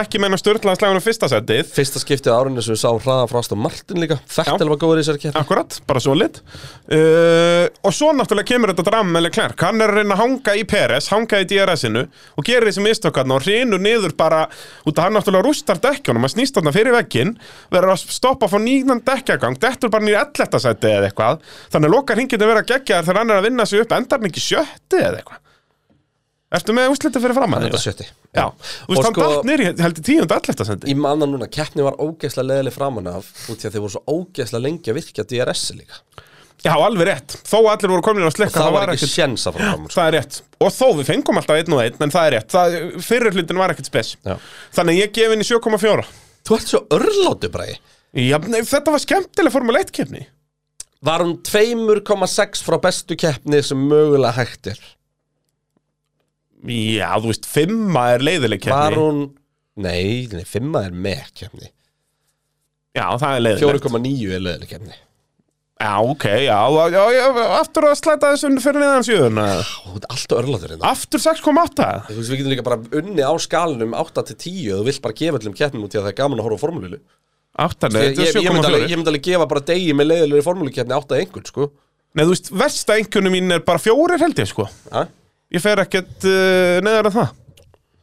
Hvað var leiðilegst keppni? Hlakka til að heyra það. Já, það er svolítið svoleiðis. Þannig, ok, ég skal negla í bara sjö sletta Já, samanlega því, og til að sprettinu var góður. Sprettunum var geggjær, það er bara svoleiðis. Og þú veist, hún var betur en Ástralja Ég get ekki, Ástralja 6,8 Ímóla verður 7, það er bara svona leis Áfram með það Við töluðum líka í 1.57 um Ímóla Það er bara svona sprettkeppnin líka sko. Heldur betur, heldur betur. Og þarna var einmitt dramatíkin Leclerc að gera mistök og ég var held í þættinum undan búin að segja já, ég er bara ekki búin að sjá hann gera mistök og eitthvað. Akkurat, hann var hann að loksins með hausinn skrúan á og svo bara pjá hendur hann í, fýblagangin Þá er það Miami. Og það eru hún var nú slakasta keppnin uh, fram að þessu Já, þú var einn, sko, ég held að stóra ástæðan fyrir hann að hafa verið svo slög var að við horfðum bara trakklega og allt annað, og vorum bara, þetta verður snilt. Já, og þetta bauða, þú veist og það af hvað við fengum fáa framúrakstra eftir hennar langa, langa, langa beina kabla var fáranlegt Já, það meikaði ekkert sens. Og með báða? Já, já, bara þetta var eiginlega bara eitthvað rössal að fara fram úr Hamilton og Já, og eitthvað, Bottas að skýta á sig og eitthvað sem er svo ógeðslega mi, þú veist hún var með, með svakalega kombobreykar þessi braut, alveg svakalega. Já, hérna undir, undir brúnið þarna. Hérna og, og uh, ég átti vonu svo ógeðslega miklu. Já, heldur betur Ferrari læsa fremstu röð þarna, allt að gerast og uh, fyrstiringurinn var geggjaður, við fengum fullt af litlum framáraugstum þar og svona að, bílar aðeins að snerta að, veist, Alonso klessir aftan á Hamilton og eitthvað svona bara mjög klassik fyrstiringur en þ- sko ég er að horfa einnig yfir loka niðurstöðu keppninar Já. hún er lýsandi fyrir það hvernig þessi keppni var það voru bara fjórar til átta sekundur á milli allara Já, það er reyndar út af því að þetta er einn að fá um keppni sem var ekki með öryggisbíl undir lokin. Hvernig kom ekki öryggsbíl í þessari keppni? Það kom öryggisbíl, það var náttúrulega svaka krassarna, mannst ekki Gasly og Norris? Já, út úr hérna inn á beinakaflann. nei, bara á miðjum beinakabli eða Norris fer bara fyrir Gasly og allt fyrir steik. En var ekki Norris eitthvað bilaður? Nei, Var, var ekki, var ekki vandamáli að hann, hann hérna Ætlaði að víkja bara Af hverju finnst mér svona við lendi í einhverju, þú veist, aflbilun eða eitthvað Er ég að ruggla eitthvað? Þannig að hann hægðist á honum miklu hrað, eða þú veist. Það hröðunin í maklarunum var ekki rétt allt í einu. Ég man ekki eftir því sko. ok, ég kannski ruggla En allavega, svaka krassarna Það er alltaf tikk í bóksi fyrir góða Formule 1 keppna að fá alveg krass. 100%. en, en svo bara var þetta algjört snúsfest Nei, við vorum alltaf með þessi litlu scraps. Hérna aftur alpinbílandur voru að dandalast eitthvað. Síðan náttúrulega bara full on árakstur Milli bestu vinnana, Mikk og, og Fettel. Þannig að það var alltaf eitthvað aðeins í gangi En náttúrulega engin sláðan á fyrsta setið skilur Þess vegna á þessi keppni ekki möguleika á 8 plus sko Nei. En það er hún ekki En mér fannst tímatökurnar alveg skemmtilegar og mér fannst, þú veist, öll þessi helgi mjög skemmtileg. Þeir voru með bjánalega hjálma, þarna, manstu þeir voru að keira í þarna golfbílnum með til að fara á bikarinn. pall, nei, Já. til að fara á pallin Já, já. gegnum þetta undir stadium þetta með police escort og fengum síðan football helmet Já. það er rosalegt það er, og síðan, þú veist, við fengum náttúrulega líka svaka skrapparna millir Peres og Sainz. Peres kveldskítur hann að reyna að verðast gegn Sainz. Læsir henni fyrstu begi og, og sest, er komið fram úr Sainz og tapar síðan aftur. Mér fannst það lýsandi fyrir þessa keppnin bara, ég ætla bara að hreinskilja með þetta, var svo mikið flöðasinning einhvern veginn að maður held að risakrassið var okkon í veggin í æfingunum já, á hvað, 80 km hraða eða eitthvað en G-krafturinn var bara eitthvað fáraleg 40 eitthvað G. Að hann fer bara beint í steipu, beint Já. á hlið. Þú veist, það var ekkert, það brotnaði ekkert af bílnum, þú veist, ef hann hefði farið skakt í hann þá hefði bílinn svona allur klumprast saman eitthvað, hann fer bara beint á hlið og höggi kemur það bara beint. Já, bara, bara... töppi brotnaði. Já, já, bara, og, bara ónýtur bílinn, já, eins og þú segir það var, já, akkurat, okkur að kera á vegg á, á, á engum hraða, það var hælætið þarna. Þannig að það var nógu í gangi, en ég gef henni 6-5 Viltu aftur neklinn niður? Ég, ég býð ekki Nei, upp á þetta. 6-5 held ég að sé bara mjög sangjant að þessu. Nei, það ekki. Hérna, upprunnilega var það þá alveg talsvert mikið neðar heldur náttúrulega umvala en eftir að lækka það þá er þetta svona aðeins En erum við þá að taka þetta þannig að allt undir 4.5 er fall eða? Pralt undir 6 er fall Já, ok, Það er það ekki, hvaða skóla varst þú þannig í Garðanbænum? 4.5 er fall. 6 er svona, það er engin stoltur að það samt sem aður Já, ég segi það, það er, eins og segi, það eru, það eru örfár keppnir undir 5 hjá mér, sko. Já, Það eru bara tvær keppnir undir 5 Þannig að, enda, við töluðum um það í allt sumar að þetta sé svona gegja já, algjörlega. Uh, Spán, það var næsta keppni. Uh, Leclerc aftur á ráðsból uh, og þetta var við töluðum um það þarna og ég stendan þá við það. Bara eins skemmtilegasta, ekkert ein þetta var skemmtilegasta Katalónu í keppni efer Það var dramatíkin allavega. Það var bara, það var allt að gerast, það er bara þannig. Uh, Hamilton og Kevin Magnussen klessaði þarna á fyrsta ring uh, Hamilton, uh, hvað sprengti hann ekki og þurfti að jú, hann tapaði hellingu um, Hamilton sprengdi og, K-Mag þurfti nýjan framvangi einhvern djöfulinn já, uh, Svo fór er, uh, já, fram, jú, framdekk. Já, uh, svo náttúrulega þessi feilar frá fyrst Carlos Sainz og svo Max fucking Verstappen. Já, á sama stað. Já, bara vindur á afturveng smá yfirstýring hann inn í lungu herribegjuna og út í mælangrifina yep. bara Og þá átti þetta að verða ógæðislega easy sigur. Já, Leclerc þá alveg með þetta og sérstaklega líka út af þessari DRS-spilun hjá Max, maður þetta henni Já. Þá opnaðist ekki DRS og hann var byrjað að vera alveg vera Þannig að brjálaður þegar á það virkaði takkanum. það var alltaf að loka því aftur. Þá var það að opna slöka stofna slöka út. Hann er bara á takkanum eins og bara sex ára krakk í Playstation. Bara Tekken, Já, tekken nákvæmlega, bara, bara misþyrma fjastýringunni, það er bara svo leiðis e, Þannig að hann komst ekkert fram úr, það tók hann 30 ringi að komast fram úr George Russell sko. Bara algjörlega styrla en það er náttúrulega það sem gerist í þeim slag að það verður skyndilega slagur á fyrsta seti. Leclerc er 13 sekundum undan öllum. Þetta bara auðvildast til sigur fyrirnsins að koma þarna og þá bara á, hvað var þetta, 20. ringi eitthvað springur vilin Þannig að aftur Það stórt á- tikkarna, risa drama Já, 27. ring Turbina. Já, turbina fer þá. Og uh, eins og, já, hjút drama þar sem að við elskum. Og náttúrulega, já, eins og segir, með þetta, með þetta DRS, náttúrulega bara komst það ekki fram úr og, og svo nær hann Peres og Peres þarf að hleypa honum og það er Peres verður brjálæður Peres verður fúll yfir í og það átti nú heldur betur eftir að koma aftur til tals setna Heldur betur. Og e, Og bara vörnin hjá Russell mannst eftir þessu? Í fyrstu alvöru tilhörunni sem Axi reynir að fara fram úr Hangi Russell og utanverðin í fyrstu beigun og næra að halda þessu. Mannst eftir, því, það var rosalegt. Ég held að við notum þá klippi í byrjunin og þættinum Sest úr útsendingun, þetta bara störtlega, eins og segir, langbesta sko. Katalóníu keppn bara ever. Samt ekki frábær keppni á Nei, sko, ekki, en bara sko, á Katalóníu standart Já, það vantaði náttúrulega þarna almenna slag fyrsta seti, skilur. Já, Þess en hann hefði aldrei orðið með, með bila DRS og Max og eitthvað. Nei, sennilega ekki. Og þú veist, náttúrulega DRS var bara bilað í hann einhverja 15-20 ringi Eitt bara Já, já, og þú veist, Leclerc var líka bara þar hraður Þetta hefði verið eins og Já. ástæðanlega Og þarna var, voru við sko Þarna var umræðan okkar ennþá sko Hvað dekkinu voru miklu, miklu betur undir ferðinu Já, sem ætti heldur betur eftir að snúast. En þarna vantaði all, allt bit í Carlos Sainz að vinna sig upp listan aftur eftir símistök sko. Já, algjörlega, hann bara, hvar endar hann? Jú, hann kemst fram úr bensonum með það ekki út af því að þeir voru hann bensínlausir. Hann enda fjóruði Já, er Russell þriði Já, Hamilton endaði, mannstu, hann þurfti að lift en coast í andan bara út af hann var hann bensínlaus. Alveg rétt. Uh, en já, dominating sigur þarna, ég gef henni 7,6 Fengu fyrstu vélarauksinguna hann á árinu Akkurat. um rétt frá Alonso. Já.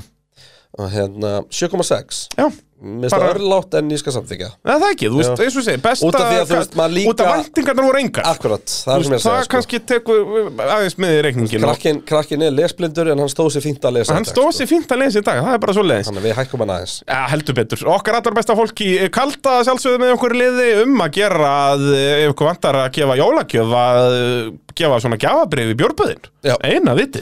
Við þurfum að henda okkur aftur Já, það við fara bara í norðurljósa skaranum bara í februar. Er það ekki bara? Það er eina vitið, sko. Bara helgina fyrir fyrstu keppni Eitthvað svoleiðis, þannig að bara lok feb. Já, taka bara upphitunar Ég fyrir Ég er ennþá, ég er ennþá eftir að kaupa flug og svona dót. Ég er að pælja að fara út þarna svona, fara út í lok jan og koma tilbaka um miðjan. Já, Og svo bara eitthvað tíma eftir það rörum við já Það er bara svoleiðis. Getur ekki klika. Það er Eh, kannski að tala við kalda samt en já Nei, nei, það þarf, þeir eru að hlusta, sko. Ég segi það, við erum að tala með það núna Þannig að engar ágjur af okkar allar besta fólki þar eh, Monaco var sjöfunda keppni tímabilsins. Eh, Og þarna aftur Einn bara skemmtilegasta Monaco keppni sögunar Herðu, já, Mónaco var nú heldur betur Það var alltaf gerast. Alltaf gerast Með að við Monaco standardin var þetta bara störtlað Sko tímatökurnar voru skemmtilegar eins og alltaf í Mónaco Já, heldur betur Og náttúrulega dramatíki með Peres og... Peres dramað, uh, Ferrarin á að læsa fremsturöð en uh, Peres er þriðji þarna á undan liðsfélaganum út að hann snýst þarna og aftur atvik sem átti eftir að koma til tala setna á tímabilinu. Já, Hvar stendur á Mjög. því? Var hann að reyna þetta? ég fyrir fyrir sko. ég, ég, ég, ég sé mögulega hvað hann var að reyna sem var bara gung-ho reyna allt sem hann getur Já, þú veist, þetta er einn mikilvægast að breytarinnar. Throttle trace er mjög dodgy þetta sko Já, bara mjög. Já. En það er ekki, skilur, það er ekki, ég myndi ekki kalla það fáránlegt, Nei, en út af því að það sem að sko þeir sem að vildu hengja hann fyrir þetta bentu ekki á er að hann er að taka öðruvísi línu. Hann hægir aðeins mér á sér, tekur ókislega kraft og florar. Já, bara slingsjóttar svona í og það, gegnum. þetta er, veist, þannig ég sé alveg smá leap of faith en ég meina einhverju segja að hann hafi viðurkjönd hann hafi gert það viljandi og eitthvað svona dót þannig að, þú veist, ég ætla ekki að útiloka það en ég ætla ekki að hengja. En það þarf bara Þeir verða að koma þessar reglur bara strax að næsta ári. Ef þú gerir mistök að þá er þinn besti ringur nölin veit Já, Það verður að vera Þú Alveg sama bara, þú veist, að þú gerir mistök, skilur. Alveg sama hvort að kosti hérna eitthvað. Þó að kosti hérna ekki neitt Skiptir engum máli, þú gerir mistök. Þá að refsa þér fyrir að gera mistök. Akkurat. Út að þú veist, þá er engin bjánileg lín eitthvað Heyrðu, hann var bara einn á brautinu Þetta skiptir engum máli, nei, bara mér er alveg sama. Já. Bara þú gerir mistök, er þú- refsa fyrir það. Ef þú byrðir til raukt flagg í tímatökum Já. eða getur ekki kert bílinn sjálfur inn í pitt Já. þá er besta tíman inn um eitt Já. Þú veist, ef bílinn, þú veist, næst besti tími má standa. Já, þú veist, þannig að mögulega getur eitthvað gert það taktist búin að setja tvo. Já, já. En þú veist, þetta er bara ég er bara 100% samanlösu, 100% Það, bara, það verður að Ég vera. er, og sérstaklega út af því sérstaklega út af því að við erum með Q1, 2, 3 Já. þú veist, þannig að þetta þýðir ekki það að Peris hefði þarna farið aftur í bara 20. Ég segi, þetta er ekki one shot qualifying, Nei. skilur Þetta er bara, þú tapar kannski hálfri sekund á þessu max. Já. Þetta, þetta verður að koma. Já, það er bara þannig. Ég hef ekkert heyrt mér umræðið eitthvað um það nýlega Nei, ekki neitt. Sem er fáránlegt. Já. eh, Svo náttúrulega vöknum við þarna sunnundasmotni og það er bara allt á flott Ég meina með þess að veðurratarinn virkaði ekki Já, Það var allur í steik og, þannig við bara sáum nýja liti á veðurratarinn Já. Við höfum aldrei séð svona áður. Hvorki við, það var dauðu blettur í viðurrætnum Akkurat þaðan sem rigningi var að koma Já. Þannig að hvorki viðinni liðin sáu á datanu sínu Þess hvar voru við var. bæði og allt tími reyti og var bara af hverju erum við ekki að byrja þetta? Það er ekkert að koma Ég segi það, síðan bara voru bara fólk í fjöllunum sem bara heyrðu, nei, það er að koma hérna og líka bara, Það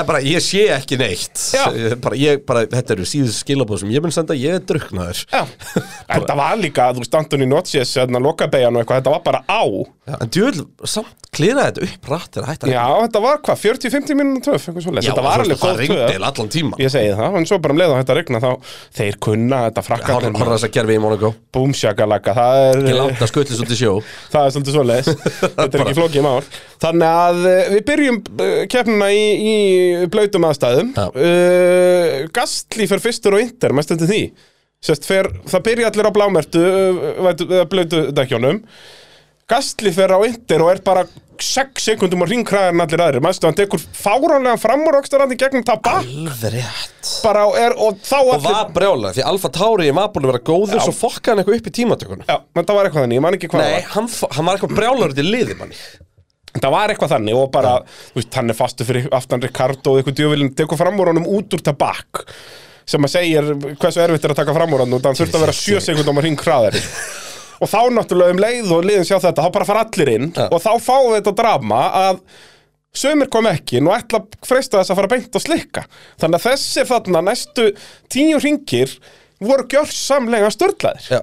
og við fengum bara drama fyrir allan peningin Því að uh, Sainz til dæmis tekur sensinn að eh, stoppa ekki, skilur hann stoppaði breinu sinni, fór beinti voru að slikka sem var bara á- rétt, rétt kall.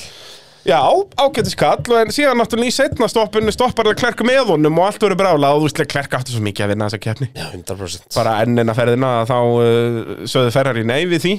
Og uh, Peres endar á að vinna þetta og þú veist, mannstu líka eftir dramanuleg klerk Vestappen þegar Vestappen er að koma út úr pitnum Nei, býttu hvað það? Verstappen fer, þú veist, svona við fórum Já, að og rökra bara- þetta og yfir bara línuna. loka bara já, strax já, á hann. lokar bara á hann strax, þú veist, klerkaði flögi fram úr upp brekkuna. Já. Þannig að það vantaði ekki drama þarna. Og uh, svo svona þegar keppnin var að róast niður aftur þá náttúrulega fáum við þetta huge crash frá Schumacher. Bílinn í tvent, þar og allt í steik raukt flagg og allt í klesu uh, og svo fáum við skemmtilega lokkarhingi, þú veist, út að Sainz vann náttúrulega bara í Manstu skottinu á Já, lestastjórin Hann var bara hvað, með hann var- 15 sekundur í Hamilton eða eitthvað. Þetta, þetta er ógni, miklu meira. Þetta var, já, Við vorum að horfa á 25 brautakortið og það voru tvær lestir. Það var Peres með Sainz, Verstappen, Leclerc Russell og Hamilton. Nei, hérna Russell og Norris. Það var ein lest okay. Hamilton var fyrst voru eftir Alonso. Hamilton fyrstur eftir Alonso.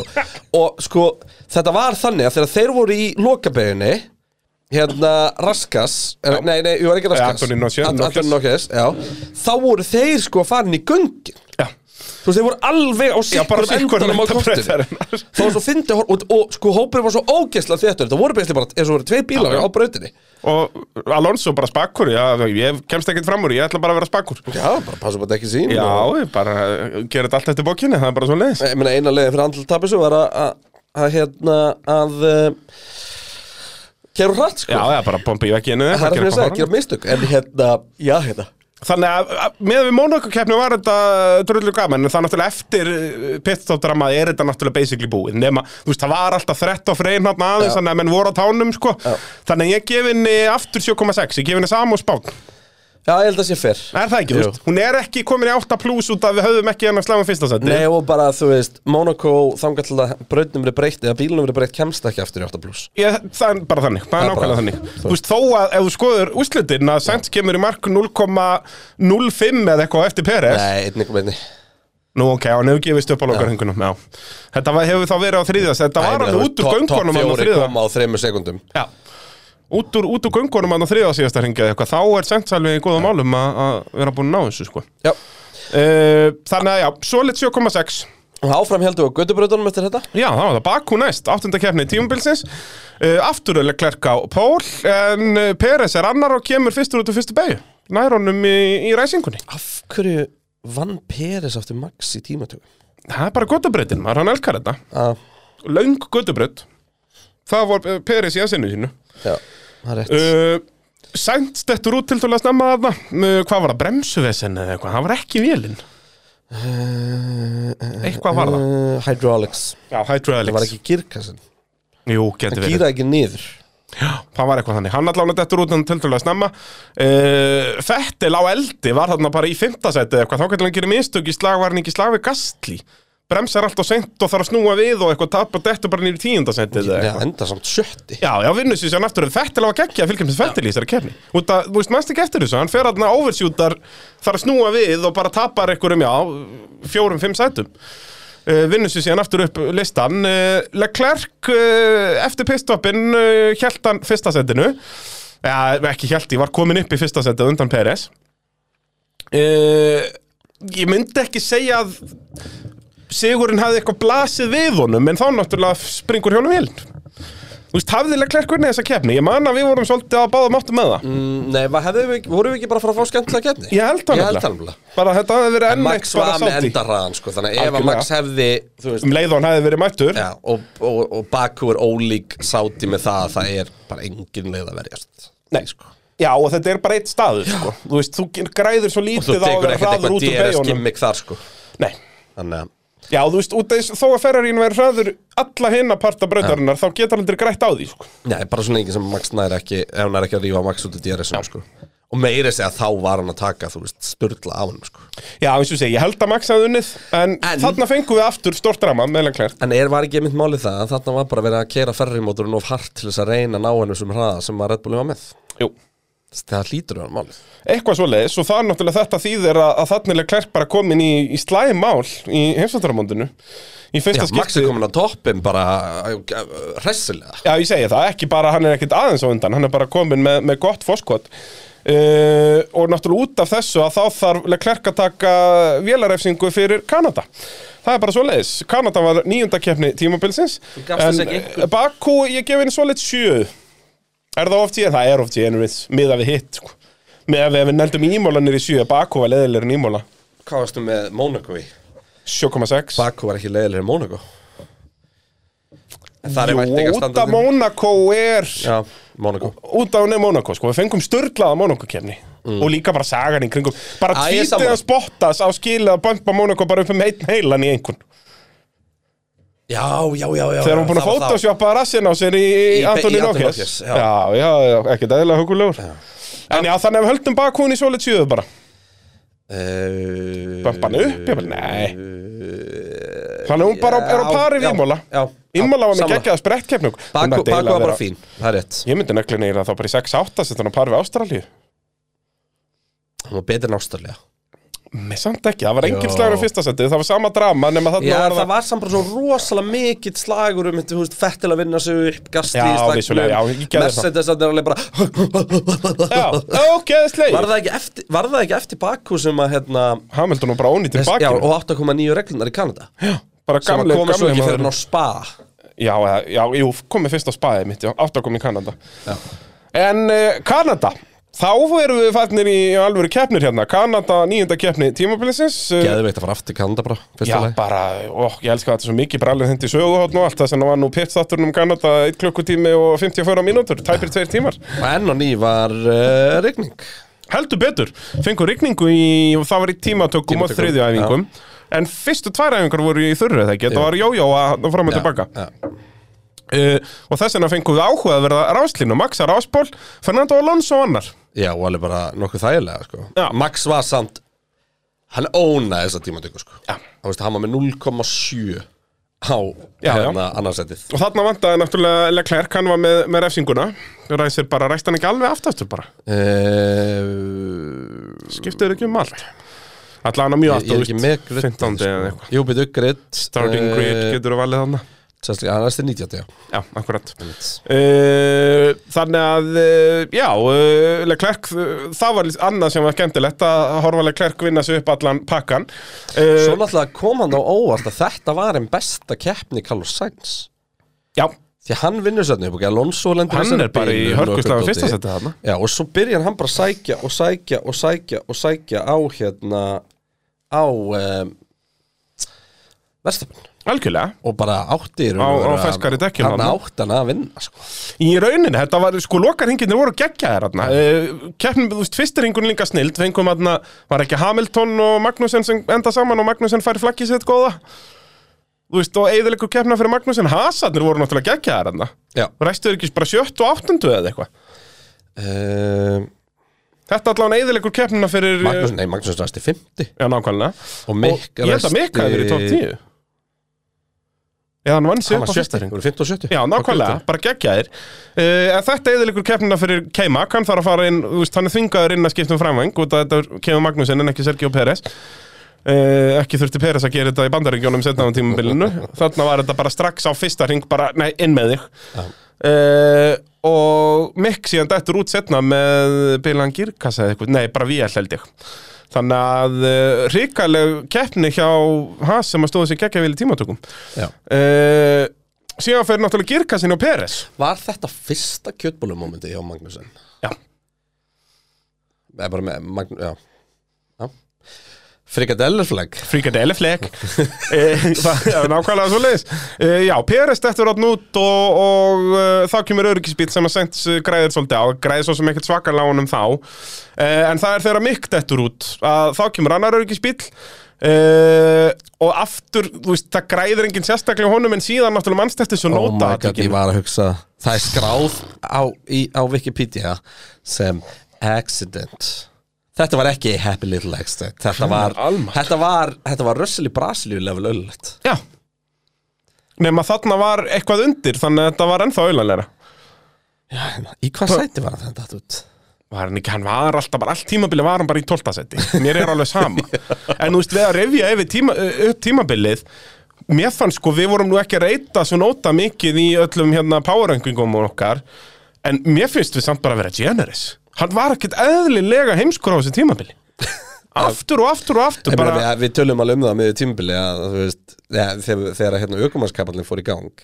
Bara ef að Gastli hefði ekki farið frá Alfa Tauri þá væri svo notaði hann nota- chopping block. hann væri, það væri búið að choppa hann sko. Já, það er bara nákvæmlega þannig. En á, út af þessum öryggisbíl hafa komið þarna þrýr öryggisbílar bara á 25 ringja kabla og þar græðir sent svakala Já, þar kemst hann yfir á nýju dekki kemst á fesk mjúk dekk og uh, er bara sest, verðstappin er þarna á bara eldri mjúkum dekkjum held ég, held að það sé á En sama það er, það er út af því sem ég segi Sainz átt að vinna þessa kefni algjörlega. Og bara mannst eftir þessum loka ringjum þetta var rosalegt. Það var svo vorum við með Alonso Bottas drama þarna líka á loka Já, og okkur Alonso drama líka. Já, nákvæð, þú veist, þetta var bara, þetta var störluð keppni. En sko, það sem að var kannski svona leiðilegt samt við þetta var að, þú veist, ok, þú erum með Max og Sainz og ég meina, þetta er á 47. ring þannig að það eru, þú veist 20 ringir eftir, kannski, cirka bát þegar að hérna öryggisbílinn Já, eitthvað inn 20-15 eitthvað svo leiðis Já, 15 ringi kannski Og þú veist, samt text sko Max og Sainz sem er að berjast að búið til 7 sekundar fórskóða Hamilton. Já. Þarna náttúrulega var bensin hvergi sjáanlegur. Það er bara svo leiðis Af hverju, ég er nefnilega maður farin að halda alveg klerkmyndu ná einhverju hann undir restina Hann endaði bara fynti Það Hann öryggisbílarnir voru 50, ekki sko. góðir við hann manstu var það Já. hann var bara óöfum með það, bara alltaf nýkomið framhjá og eitthvað út af því hann var alltaf á off-strategíu skilur, Já. ég talaði um það að fyrstu tveir öryggisbílandir höfðu ekki mikil áhrif, Já. en höfðu áhrif áli klærk út af því að hann byrjaði á hörðum Alveg rétt. allt þetta skilur, hann var Alveg alltaf uh, rangur maður á rangum tíma, þannig að hann endaði, hvar endaði, hann fyndi, sjötti, Hann endaði 50 á milli Russell og hérna Okkon já, akkurat. Joe, Eh, hann var í 8. Já, akkurat, eina skipti sem alveg klærk náði að vera á réttum dekkjum var eftir síðast öryggisbílin. Já, þá náði hann að vinna sig upp um bara, dekkjum, já, já. ég segi það, en þá var hann bara tólti og nær að vinna sig upp í sjötta að síðustu 20 ringjar. Hvað gefur Kanada? Loka hringindi voru styrleir ég og út af við höfum hörkuslega fyrsta seti þá er hann í 8 plus, ég gef hann 8,6 sett hann á pari við Saudi Wow. Arabi það er bara svoleiðis, þetta var geggi B-Dog ég er jákvæður eins og þú hefur heyrt á þessum tölum. Kynntir næst á minni sting tölunum minni samband Wow. E, Þetta er sjálfsög allt í þægilegu samstarfi við Ólís, það er gott að hendi gott plögg við hann að kreinarinn er að dandalast hérna e, Ólís eru náttúrulega okkar allar bestu vinnir við veginn og þið getur fengið bensín ennþá, ódýrara. Ef þið nú skráið ykkur í vinnahóp Ólís e, í hópurinn Pitturinn og svo er alltaf ykkur huguleg e, tilbóð á e, Eh, já, í, í verslunum ólís og bensín og dýrara. Þannig að þetta er það sem við kjósum að kalla vinn-vinn og þá líka sér ólís hvað pitkrúð er að vera dásamnett og við ja, höfum það ekki. Líka bara meira heldur en bara sko uh, bensið Það er alltaf bara með afslátt af öll. Já, Ef þú ert í vinnahopnum sko. Það er nákvæmlega staðan. Uh, En já, Kanada, við töluðum um þá keppni í 1 klukkutíma og 54 mínútur Þa, Það rankar nú með nýju yfir lengstu þetta tímabilsins. En hvað tölum við, tölum við lengi um Bretland? Sko, Bretland er næst, keppni nú með 10 og hún rankar nú með 4 Við töluðum í 2 klukkutíma og 14 mínútur um hana. Uh, Silveston algjörlega sturluð keppnishelgi. Fengum rigningatímatökur Max Verstappen að snúa sér í ykkur ringi og allt í, í steik. Leclerc líka. Carlos Sainz á ráspól. Bara Nei. Verstapin snýrist ekki Leclerc snýrist og Verstapin hægði á sér út af því mástu Tók Verstappen ekki eitt pirouette, var það bara í Ungverjalandi? Já, kannski, kannski Nei, tók að þetta var, það var fyrr. Það var fyrr, já. Le Leclerc þess að djú, En það er rétt. Verstapin átti að pakka sæns í tímatökunum En Leclerc þarf að hægja á sér út af Nei, Verstappen þarf að hægja á sér út af Leclerc. En Max gerði þetta mannstu á fyrsta hringnum sínum í lokahlutanum Og setti samt mannstu að hann var samt hraðar en Hamilton. Já, já, já, já, já, já, Hann fer í hit 360 og er Alveg 0,2 hraðar en Hamilton.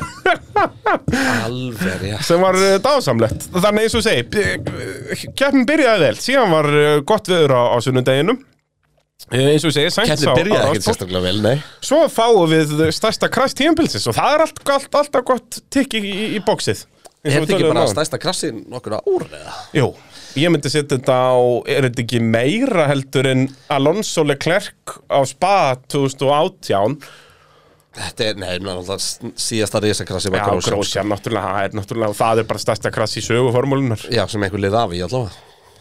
Í hann er bara meira að segja þú veist, mér fannst það stærra krass heldur en sanna Já, þú veist, í, í bara, já, í brútali bara Já, bara brútalið, þú veist, og fireballið og allt þetta miklu en meira veist, dramatíst Það eru bara svona hlutir sem að maður, þú hefur verið að segja okkur frá þessum söguhotnum og svona sem ég langar ekkert að rifja upp.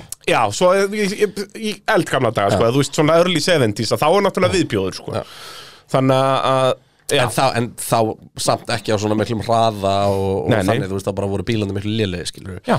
Þannig að, já, en þetta var rosalegt. Heldur betur bara svakalegt. Og líka sko þetta var svo skrítið því að mástu, við vorum byrjar að sjá vídeo og stöff af hérna og myndir af brautin og svona alveg lungu áður en að við fengum eitthvað að sjá hvað gerðist. Já. Veist, það var bara verið að senda okkur á Twitter og, og, og Instagram og eitthvað svona dót bara það sem að fólk af í stúkunum hafði verið að mynda Já, já, bara fengum bara snapptjötta þessu bara. Því að það eru náttúrulega bara, þú veist, 5.000 símar á lofti niður á fyrstu byggu Þetta var rosalega, djöfisins krass var þetta maður. Já, og líka út að Joe er bara endar upp í katsfensi, skilur, hann endar ekki í dekkjavegg endar fyrir aftan dekkjavegin Hanging there like a cow. Já, og náttúrulega fullt af fólki sem endar að detta hann á leik og, og svo fá við enduræsinguna uh, Hamilton óöfin enduræsinguna hann Sko, náttúrulega átti geggjaða ræsingu.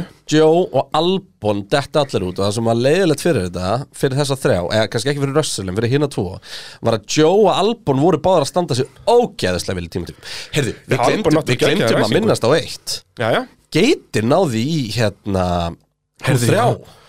Hvar var, var það á Silveston? Já, alveg náði í rétt. Q3 Í rigningunni á maður. hérna gamla bílnum meðan Já. Albon kom með nýja bílinn Það er rétt, ég mann eftir því núna Ég var búin að stengla með þessu Geitin maður, voru maður ykkur með Það er mikil sögnuður Heldur betur. Uh, Endurreisingin er svo algjörlega störla. Fóða við Leclerc Peres kontaktin hann í, í gegnum fyrstu beigurnar. Uh, Býtulega Clark Peres kontaktir já, Peres endar að hann þarf að skipta um framvæng. Peres fer bara dettunir í síðasta seti. Mástu ekki eftir því? Hann fer inn í hliðin á Leclerc og þarf að Í skipta um beig? Þetta er í vinstri beigjunni inn á beinakablanum sem fara undir já, já. sem að Í langa vinstri kemur Þetta fjórða beigja, já. Alveg rétt. Þar hossast Peres yfir kantinn og fer inn í Já, hliðin Peres ætlar að taka ykkur fárulega línu eða ekki og Leclerc kemur bara yfir og Já, fær henni hlið bara akkurat og, þess vegna dettu Peris já bara alveg úr contention uh, Sens heldur þá foskotinu en bara þurft að verjast eins og, eins og hundur þarna í fyrstu beigjónum uh, en svo gerir hann mistök þarna bara rétt fyrir Marcus og Beckett sem eftir því? Bara fer, nei það var bara í Marcus og Beckett eða ekki, fer bara út fyrir brautin og Vestappen flýgur bara fram úr. Uh, nei, það var inn á hangarstrætt Inn á- í, já, í, akkurat. Í hérna út úr síðustu. já, já. Alveg rétt. Og emitt, já, og hann flýgur bara fram úr Max. Já, já, já, já, Max flýgur fram úr Sainz. Sagt, uh, og Sainz tapar hann einhverjum þreymur sekundum á þessu eða eitthvað. En uh, Verstappen var ekki lengi í paradís. Hann uh, rörar yfir eitthvað carbon fiber sull hátna og eðilegur í gólfið í bílnum. Já, festist í gólf Já, við, sem við komum stað bara á mánudeginum eftir eða eitthvað bara, það var bara, og sem, það svo störla þetta var bara í Venturi-göngunum Já. bara carbon fiber að blokka. Já, bara búið að lotsa inn í Þannig að bara önnur hliðin á bílnum hans bara virkaði ekki. Já, bara ekki neitt downforce og eð- verra en það, það var bara verið að stoppa flow af lofti, skilur þetta var bara algjörlega störla, en hann stoppar hann strax hann heldur að sé bara annað hvort farin ballanstungi eða bara sprungið, Já. út af bílinn var bara ballansin var bara ekki neitt Nei, Hann, hann held að hérna fjörinn aftan var í brúti Já, eða bara sprungið eða eitthvað, bara hann bara fer strax inn bara okkur bílinn, það er ekki hægt að gera þetta samt Jep. endar hann, endar hann ekki sjöðundi yep. Mikk kemst ekki fram á Eh, lokadeginu hann. Mikk er, mannst ekki eftir Mikk reynir og við tölum um það, Mikk áttu svo mikið að láta maða bara Já. En uh, það var ekki svo gott, þannig að þarna dettur Max alveg út úr fyrsta setinu og það er rauninni þetta sem að gerir keppna. Út af þetta hefði verið easy sigur fyrir Max. Já, Sérstaklega þegar hann var komið fram úr Sainz, sko. Það hefði verið bast fyrir hann að komast fram úr Sainz, en Sainz gaf hann fyrsta seti, þannig að þetta átti að vera bara walk in the park fyrir hann. Jep. En það sem gerir þessa keppni svo algjörlega styrlaða er á næstu ringjum, sjá maður það og hvernig keppni þróaðist að þetta var fyrsta keppni tímabilsins þar sem að þrýr bílar áttu sens á sigri, þess að þrýr framleiðendur áttu sens á sigri fer en skver. yep. Ekki út af ykkur, jú, Og voru allir góður á sikkurum staðnum á brautinni ég veit það, bara þetta því líka keppni. Og það var líka rétt stilt upp fyrir okkur sko Því að Hamilton var frems Já. Nei, Nei, ekki fremstur, nei, Nei en, þetta en, var Ferrari Sainz- Hamilton Sainz var alltaf fyrstur, sko. þetta var, þetta var Var þetta Sainz? Nei, já, ég er að tala um í slagnum hana Já, sko, Það var Leclerc, Perez Nei, Leclerc, Hamilton, Perez Perez fyrir svo fram úr Hamilton, eða ekki? Svo að ráðast á Leclerc og þá kemur Hamilton fyrir fram úr þeim báð já, í, sko, það er eftir öryggisbílinn þarna, fyrir öryggisbílinn þá var leiteil allt út fyrir að Hamilton, eða það var alveg að fara að líta vel út fyrir Hamilton að vinna þessa keppni. Já. uh, og síðan kemur öryggisbíl, okkon dettur að núta á meira Eða bröð Leclerc, nei, var það ekki, leita ekki best út Jú, Leclerc? Var allan tíman að fara að vinna þessa keppni. Hann er að leiða, hann er komið fram úr Sainz að Það var bara tímorder Það Sainz bara, mannst ekki Ferrari gáði Sainz bara tíma, heyrðu, farðu hérna 25 eina. Og hann bara gata ekki, þannig heyrðu Þetta er too slow, bara Leclerc farið fram úr. Þannig að Leclerc er með þessa keppni algjörlega í hendi sér. Og það var bara spurning Nefnir svo er bara Sainz skrimmari í ákvörðunum. Hann bara, hann bara vítóar ákvörðun liðsins Því öryggisbíl. Liði basically ætla bara að láta og báða hanga á sömudekkjunum. En að Sainz myndi bara vera skjöldurinn fyrir Já. Og Sainz tók það ekki mál, setur fesk mjúkdekk undir eins og allir aðri fyrir aftan. Þannig að Leclerc endar á að vera eins og belja og svetla að notuðum dekkjum Hvem fremst. sáu það aftur, aftur Já, það var í Hollandi, Mercedes er í Hollandi Já. Sem að þeir gerðu það ekki Já, akkurat, veist. Hamilton átti alveg, þú veist, 80% af Hollandskeppninni leit út fyrir að Hamilton gæti verið að berast um fyrsta sendi þar, sko. Já, og var náttúrulega með Message voru með 1-2 Ég segi það. En einhvern veginn ákveður frekar að tryggja 2-3 heldur en að Já, reyna sérst, í þá aftur, þá er Russell Agri sem voru að segja bara, heyrðu, nei, ég get ekkert á þessu millur Já, ég vil en mjúka við, komum þá gætt smá. Akkurat, akkurat, ég eftir smá, við gerum það bara eftir viku held ég. Nú, ok. Það er bara svona leiðis uh, En hérna Já, síðan náttúrulega eftir öryggisbílinn þar fáum við þetta bara Ég held að það sé besta klippan sem var í byrjun þátt hjá okkur þetta tímumbilið Það er þessi þrefaldi framúrækstu sveisla þarna milli þeirra Peres, uh, uh, Leclerc og, og Hamilton Já. Og bara allur ringurinn eftir Þegar Alonso Já, Alonso og Norris eru síðan mættir, Ja. þetta endaði fimmбílaslag sko, og Norris, nei, Alonso bara hálspurð þar að komast fram úr Hamilton ja. Nei, Alonso. Það er Alonso Já, sem Alonso upp á segi, hliðina. akkurat já, sorry. Þannig að Geðveikt, bara e einhver magnaðasti slagur tíumbilsins þarna ofan á allt annað sem var styrlaði þessari keppni. Og Sainz náður að hanga síðan á fyrsta sætinu svona síðustu ringindir endaði að vera nokkuð öryggir fyrir hann út af því að sest, þeir töpuð allir hinnir svo miklu á að- að að berjast þarna. Þannig að, eh, já, algjörlega styrlu keppni. Uh, Brallin henni 9,4 Samþykkt Er það ekki? Jú. Þetta er bara, þetta er störtla Var þetta besta kemur tímabilsins? Kemur ljós. Það kemur ljós. Það er, Hún er besta keppni so far. Það er uh, næstur á eftir af skorunum sem við erum með Það er bara 8,6 í Saudi Arabíu Og 8,6 í Kanada. Þannig að hún er vel fyrir ofan þar En uh, já, næsta keppni var nú hreint ekki amaleg. Það er Austuríki Nei. Keppni úr 11, það var störtlað Já uh, Sprettkeppni selgi aftur. Já. Uh, Leclerc og Max berjast í sprettkeppni eins og þeim einum í lagið. Max endar á, á Ráspól uh, og á fyrsta hring þá fáum við klassíska þarna í fjórðu beigunni eða fymtu, ég man ekki hvað er kallað þetta hvort að litla vinstra kinkið á beinakaflanum sé beigja Ertu að meina sérst, niður hægri beygja? já, niður hægri. Að, þá Peres Russell enda saman eins og Peres og Hamilton hefur gert tvisvarsunum fyrir það held ég. Já. Peres elskar að klessa á Jep. þarna uh, Peris elskar bara að klasa á alla þarna Já, það er, já, fórningi líka í Norris þarna einhvern tímann Jú, var það ekki fyrra sem að Peres braut af sér þrís var á móti, nei, var ekki á móti hitti Norris fyrra. og svo Var þetta ekki- Leclerc Var þetta ekki tvisvar? 2020 þegar voru tvær keppnir þarna Já, og það var í setni keppni Eitthvað svo leiðis, þetta fer allt í eitt graut sko. Og þegar Kimi bombaði svo Fettil undir Já, restina ná- og litla Það var ekki algjör steipa sko Austuríki er geggju kapasitet veit það. Það er Við höfum alltaf alltaf sagt snilldar það. keppnir þarna Hún var í fullkomi fyrsta brut til dæmis. Já, út af hún er líka svona tildulega stöðt Já. forvært Hún er stutt. Hún er tildulega einföld í uppsendingu En bíla það er þú kallt þarna held ég. Já, ég er ekki að tala um þetta með tíma ársins. Nei, Já, já. þetta er upp í ölbónum, já. Það er Já, það er, það er, það er í snjór Það er helvits með Þetta er eins og mannstu þegar fórum til Núrbúkring var það 21 frekar en 20 Þegar hún kom inn hann eitthvað auka og það var ekki snjóaði í 21? æfingum og Já, það var ándjóks bara þeir voru að sópa krap af brautinni bara á föstuðsmótni Jöp. Og síðan þurfti að ringja í Hulkenberg og þú þurfti að fara að keira á eitthvað, litla dæmið. Uh, en já Leclerc Max-slagurinn þarna var geggjaður. Út að Ferrari bílinn var í rauninni miklu hraðari en Leclerc þarf að fara þriðsvarsinum fram úr þetta var svo að, og Leclerc enda náttúrulega að vinna þarna. Síðan náttúrulega fengu við eitt, þetta er aðtöki sem ég var búin að gleyma. Bíddu. En taland um sko, geggjaða framúrakstaran hann á Silveston þetta var betra en það en við munum bara ekki eftir þetta þetta var slagur um níundasetti þarna voru Joe, Alonso og Magnussen að berjast um níundasettið og þeir eru, þegar þeir eru búin að berjast í hálfan ring þá mæta Ricardo og einhver einn annar, þetta endaði í fimm bílum. Ricardo og Bottas var það ekki?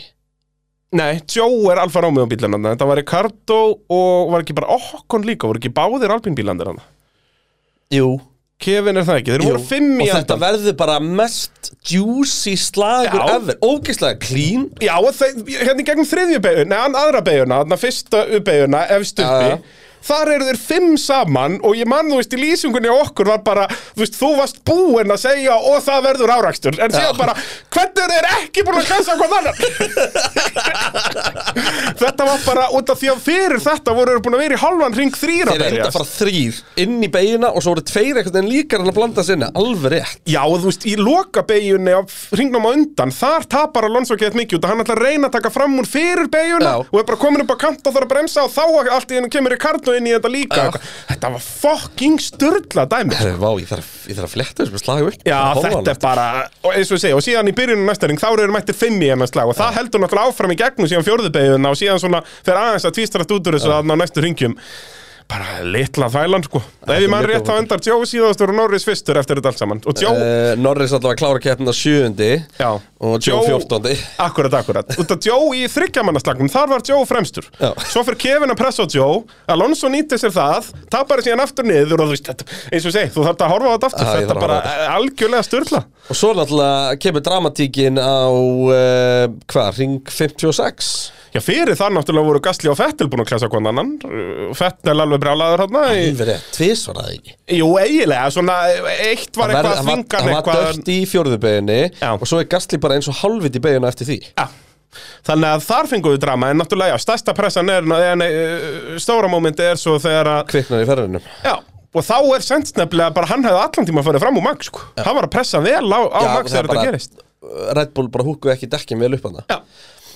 Kom ekki öryggispill út, út af því sem að var ástæðan fyrir því að Leclerc var aftur komin undir pressu frá Max? Að Leclerc var búin að pakka Max á þessum tímpunkti Jú, minna það. Ég allavega virtual eða eitthvað, ég bara reynilega mann það ekki. Þú veist, þeir klára bara með einu og halva sekund á milli sín. Já, það hlýtur að vera með 40, nei, samt ekki því að það eru 40 eitthvað sekundur í Hamilton Já, ok, þá var það ekki Nei, það var bara spennandi lókningir Já, þetta En var Leclerc bara var alveg með þetta samt, sko. En þetta var, Já. en þetta var samt svona keppni Jú, alveg rétt, eftir keppna var Leclerc bara búinn á því bara út af pressu Já, sko. og þetta eins og hann tekur þrísasunum fram úr og endar samt bara að vinna með einn og halvur Þú veist, Max gaf honum þetta aldrei Nei. Bara algjörlega störtlu keppni, ég gef henni níu Já, fair enough En það ekki, Jú. bara þú veist Silveston var betri af 9,4 Já. En þetta er svolít nýja. Já. Þetta er bara, bara nákvæmlega staðan. Við töluðum um í tvo klukkutíma slettaðum þessa keppni í pitnum. Uh, Næsta keppni rankar í næstíðasta sæti yfir styrsta pitstart. Við töluðum í klukkutíma og 32 mínútur um þessa keppni. Og Jep. þetta er síðasta keppni sem við fjallum í þessum þætti. Og samt var risa moment í þessari keppni. Já, bara eitt af stærsta momentum tímabilsins. En það var líka það eina sem við gátum talað um í pitstop Nei, mannst ekki eftir Russell Perez, Virtual Safety Car? Þegar Russell pakkar Perez í endurræsingun eftir Virtual Safety Car. Jú, býtu til að Og Peres er að bremsa. það er að kalla Sainz inn í pitt þegar hann er í miðjum slag og það gerðist fullt í þessari keppni sko. Já. Miðað við franskan kappakstur var hún nefnilega geggjuð. Já, eh, Bara aftur eins og með Monaco og Spán þá var þetta lang besti franski kappakstur eður og það er bara nýja kynnslóðun og bara þessi geggjaði slagar sem við fengum. Uh, Frakland uh, var tólta keppni tímabilsins. Og eins og ég segi, þetta verður síðasta keppni sem við fjöllum um í þessum þætti svo höldum við áfram í, í næstu viku. Uh, Leclerc enn og aftur á ráspól þarna og fengum geggjaðan slag milli Max og Leclerc þarna í fyrsta stintinu. Svo er það bara, er það ekki strax eftir pitstoppið, en er það bara í miðju pitstopp sækulinu sem að Leclerc gerir þessi mistök man ekki nákvæmlega hvað það var en veist, þetta var allt úr keppni, þú veist, Leclerc er á undan Leclerc var annarkvort get ég ekki bara fletti upp hérna Leclerc var annarkvort að reyna að tryggja innring eða útring eða eitthvað veist, þetta var að Já, þú veist, var að pússa. að pússa sko. og það er eins og segi, bara eitt á topp 5 momentum tímabilsins uh, Verstappen pittaði á ring 16 til að undirkvöta Leclerc en á átjónda ring þá krassaði hann. Já, akkurat. Þannig að hann var að pússa á Þetta er í miðju, sækulinu hann og uh, Nei, nei, nei, nei, nei, nei ekki þetta. Það er, þú átt takka. Bíddu. þá, þá fengum við að heyra þetta eðal, eðal Vákáast moment. lengi að fatta. Ég bara, ég vissi ekki neitt, ég held að þú þurftur að fara að skýta eða eitthvað. Fara að íta, eh, fara að benda á takabrettið mitt. Þetta er rosalegt. En já, þetta er momentið sem að eh, Já, Leclerc, bara segir. Já, hann segir það bara sjálfur. Ég vissi þarna, ef, og Maxa, ég vissi að hann er verið að vinna titlinni já, það er bara þannig. En var það eftir í er vegnum í bilið Frakklandi. á milli þeirra orðið eh, 63 stig þannig já, Þú veist, Það eru næst í þrýr sigrar sko, þú veist sem að Max skorur ekki stig. Það er allavega, þú veist, tveir og hálfur Þú veist. Já, bara blóðugt. Það er bara svo leins og uh, svo náttúrulega fengu þess að þetta fárálega dæmi með Sainz, hann er bara í hliðin á PRS í gegnum lokabegjurnar þegar liðið kemur að box, box, box Já. bara eitthvað, og við sögðum líka bara, þú veist, er liðið að horfa á kappakturina hvað er að Liðið gera? sagði eitthvað eftir á að þetta væri eitthvað tire concern Já, bara veist, þessum nákvæmlega. Þeir bara Þeir vissi ekki neitt hvað þeir voru allt sem voru að gera. Já, Það þau stendur. þurftu, gátt ekkert annað gert Það slíkur var fíblagangurinn hann í gangi Já. Svo náttúrulega var Sæns klára 50 sko Já, og sko verstafinn pakkar þessari keppni. Þarna var Peres ógeðslega lélugur Ég er farin að halda við höfum gefið sæns og háa engun á tímabilinu. Og fáa Já, Ég, og, og Peres eiginlega eins og þarna. Peres endar fjórði ég Perist níunda hjá- í, Já, ok. hjá okkur, nei níunda. Já, var hann ekki, hann var að dansa hann í kringum tíunda, já, og þú ætlar að hafa hann 13. eða eitthvað sko.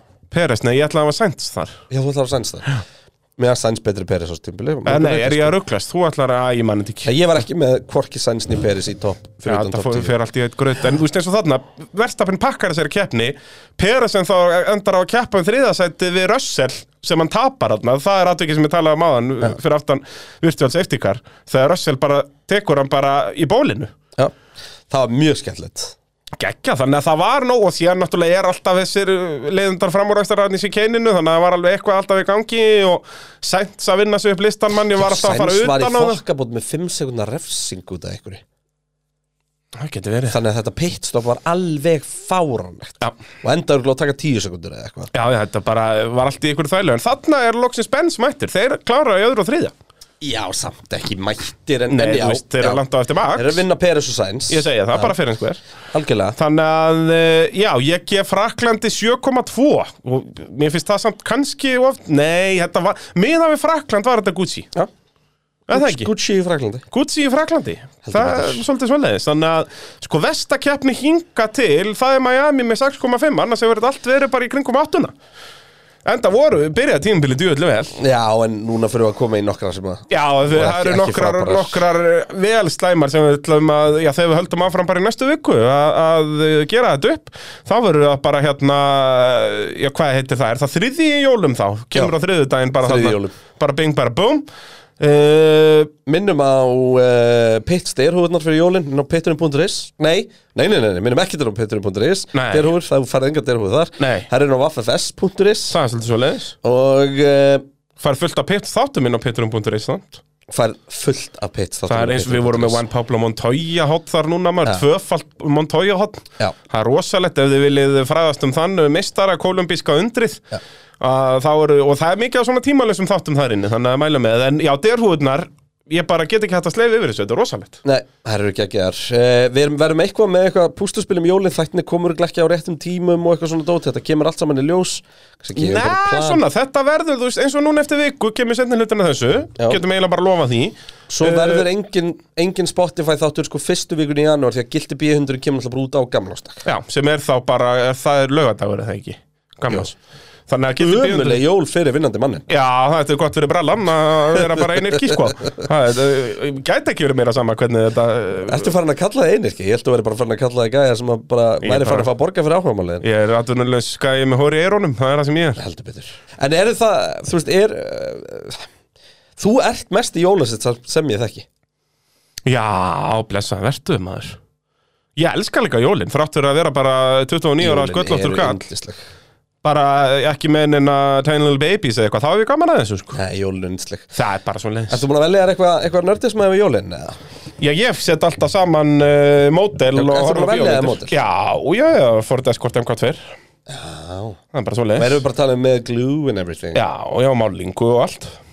Það er bara, ég ætla að hafa bláar felgur og eitthvað, ég ætla að gefa bara repliku af uh, Hafstein Hauksson uh, Malcolm Wilson bílnum sem hann kefti á 1984 og uh, lést í, í Bretlandi í rallykefni, einn Íslendingurinn sem hefur látið lífi í, í rallakstri Þannig að ég ætla að uh, dúlla mér í því og horfa á jólamyndir. Ég mæli með Klaus, það er geggjuð, uh, það er upp á jólamyndir mín núna, hún kom 2019, Já, dásamleg. ég held ég að við sé hana. Já, teknimynd, eða svona animation, Já, ég held ég að við sé hana. Bara yndisleg. Ég hérna, ég fór á Violent Night.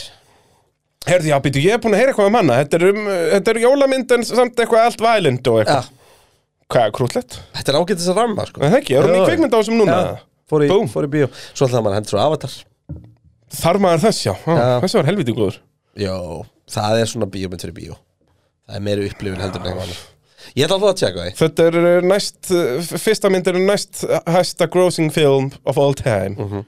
Getur nefnt neitt karakter úr henni? Jake Sully Fuck you Þú spurði með þessum Já, daginn það ekki, Jú. mér minni það Og veistu af hverju ég veit svarið við þessu Og ég er búin að nota þetta áfyllt af fólki sem hefur vita svarið Er það svoleiðis? Já. Jake Sully, er það hann ástæðalski leikarinn Mm. hann En Kate Winslet að mæta hann Boom Nei, en punktur minn satt sá, þú veist, maður verður bara Þú veist, þetta er bara svo hóra Eurovision Já, já, það, jú, jú, öruglega Hann, En uh, bræði minn og, og elskulega Elskulegu hlustendur okkar Við óskum ykkar gleðilega jóla Já. Og uh, ég bara hátíðana allra um, Það kemur út seinni hlutina þessu þætti á uh, Þriðja jólum. Þriðja jólum, 27. En Nú langar mér bara ásköllum gleðilega jóla og hafið það notalegt, Já, bara takk fyrir, fyrir uh, samfylgdina Gildi B100 uh, fyrst, uh, 31. des Búm uh, Pittunum.is alltaf með þér.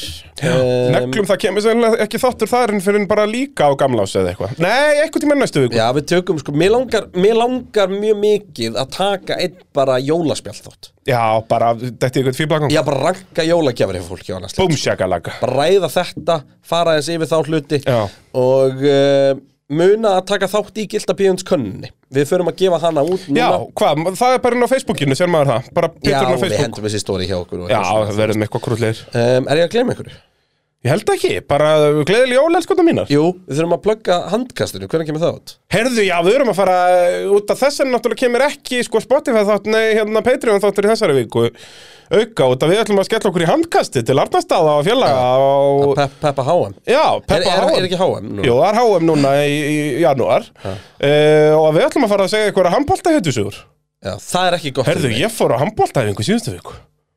með valna Playmo og félögum, ég var geggjaður í lokaða merkinu sko. ég komst að því að ég er orðin mun stærri heldur en ég var í sjötta flokki þegar ég var síðast í merkinu það mun auðveldar að loka þessu en það vantaði samt auka slána sko. ég, var, ég var alltaf með svona auka slá já, þannig að til að gera merkið aðeins minna Já. En uh, ég náða að fylla vel út í það þannig að þetta var bara við pökkuðum öllum ég held að við spiluðum einhverja fimm leiki upp í fimm og ég held að við unnuðu alla sko. Já, það er þessi tóti og þessi kallar hann einhverjir fyrir matunum en get ekki neitt í handbólta sko. já það er bara svo leiðis Ég eh, kann ekkert, en tjúvill væri ég til í að fara í bumbu ámalda Já, En skelltu ég verið það kannski væri ekki til í að fara saman með með einhverjum fyrir maturnumunum sko. Jú, jú, maður Þeir eru spakir maður Finnst ekkert rosalega gaman að tapa í öllu geri Já, ég ætla næst að mæta með, sko, það voru bjórar eftir þetta, næst ætla ég að mæta með bara í brúsa, bara half and half, bara hæsi í, í landa, sko. Og vera þannig í markinu. jólakaldi brúsa? Er það ekki reynda að geta verið veistla? Þú segir okkur frá það næst Búm. Gleðileg jól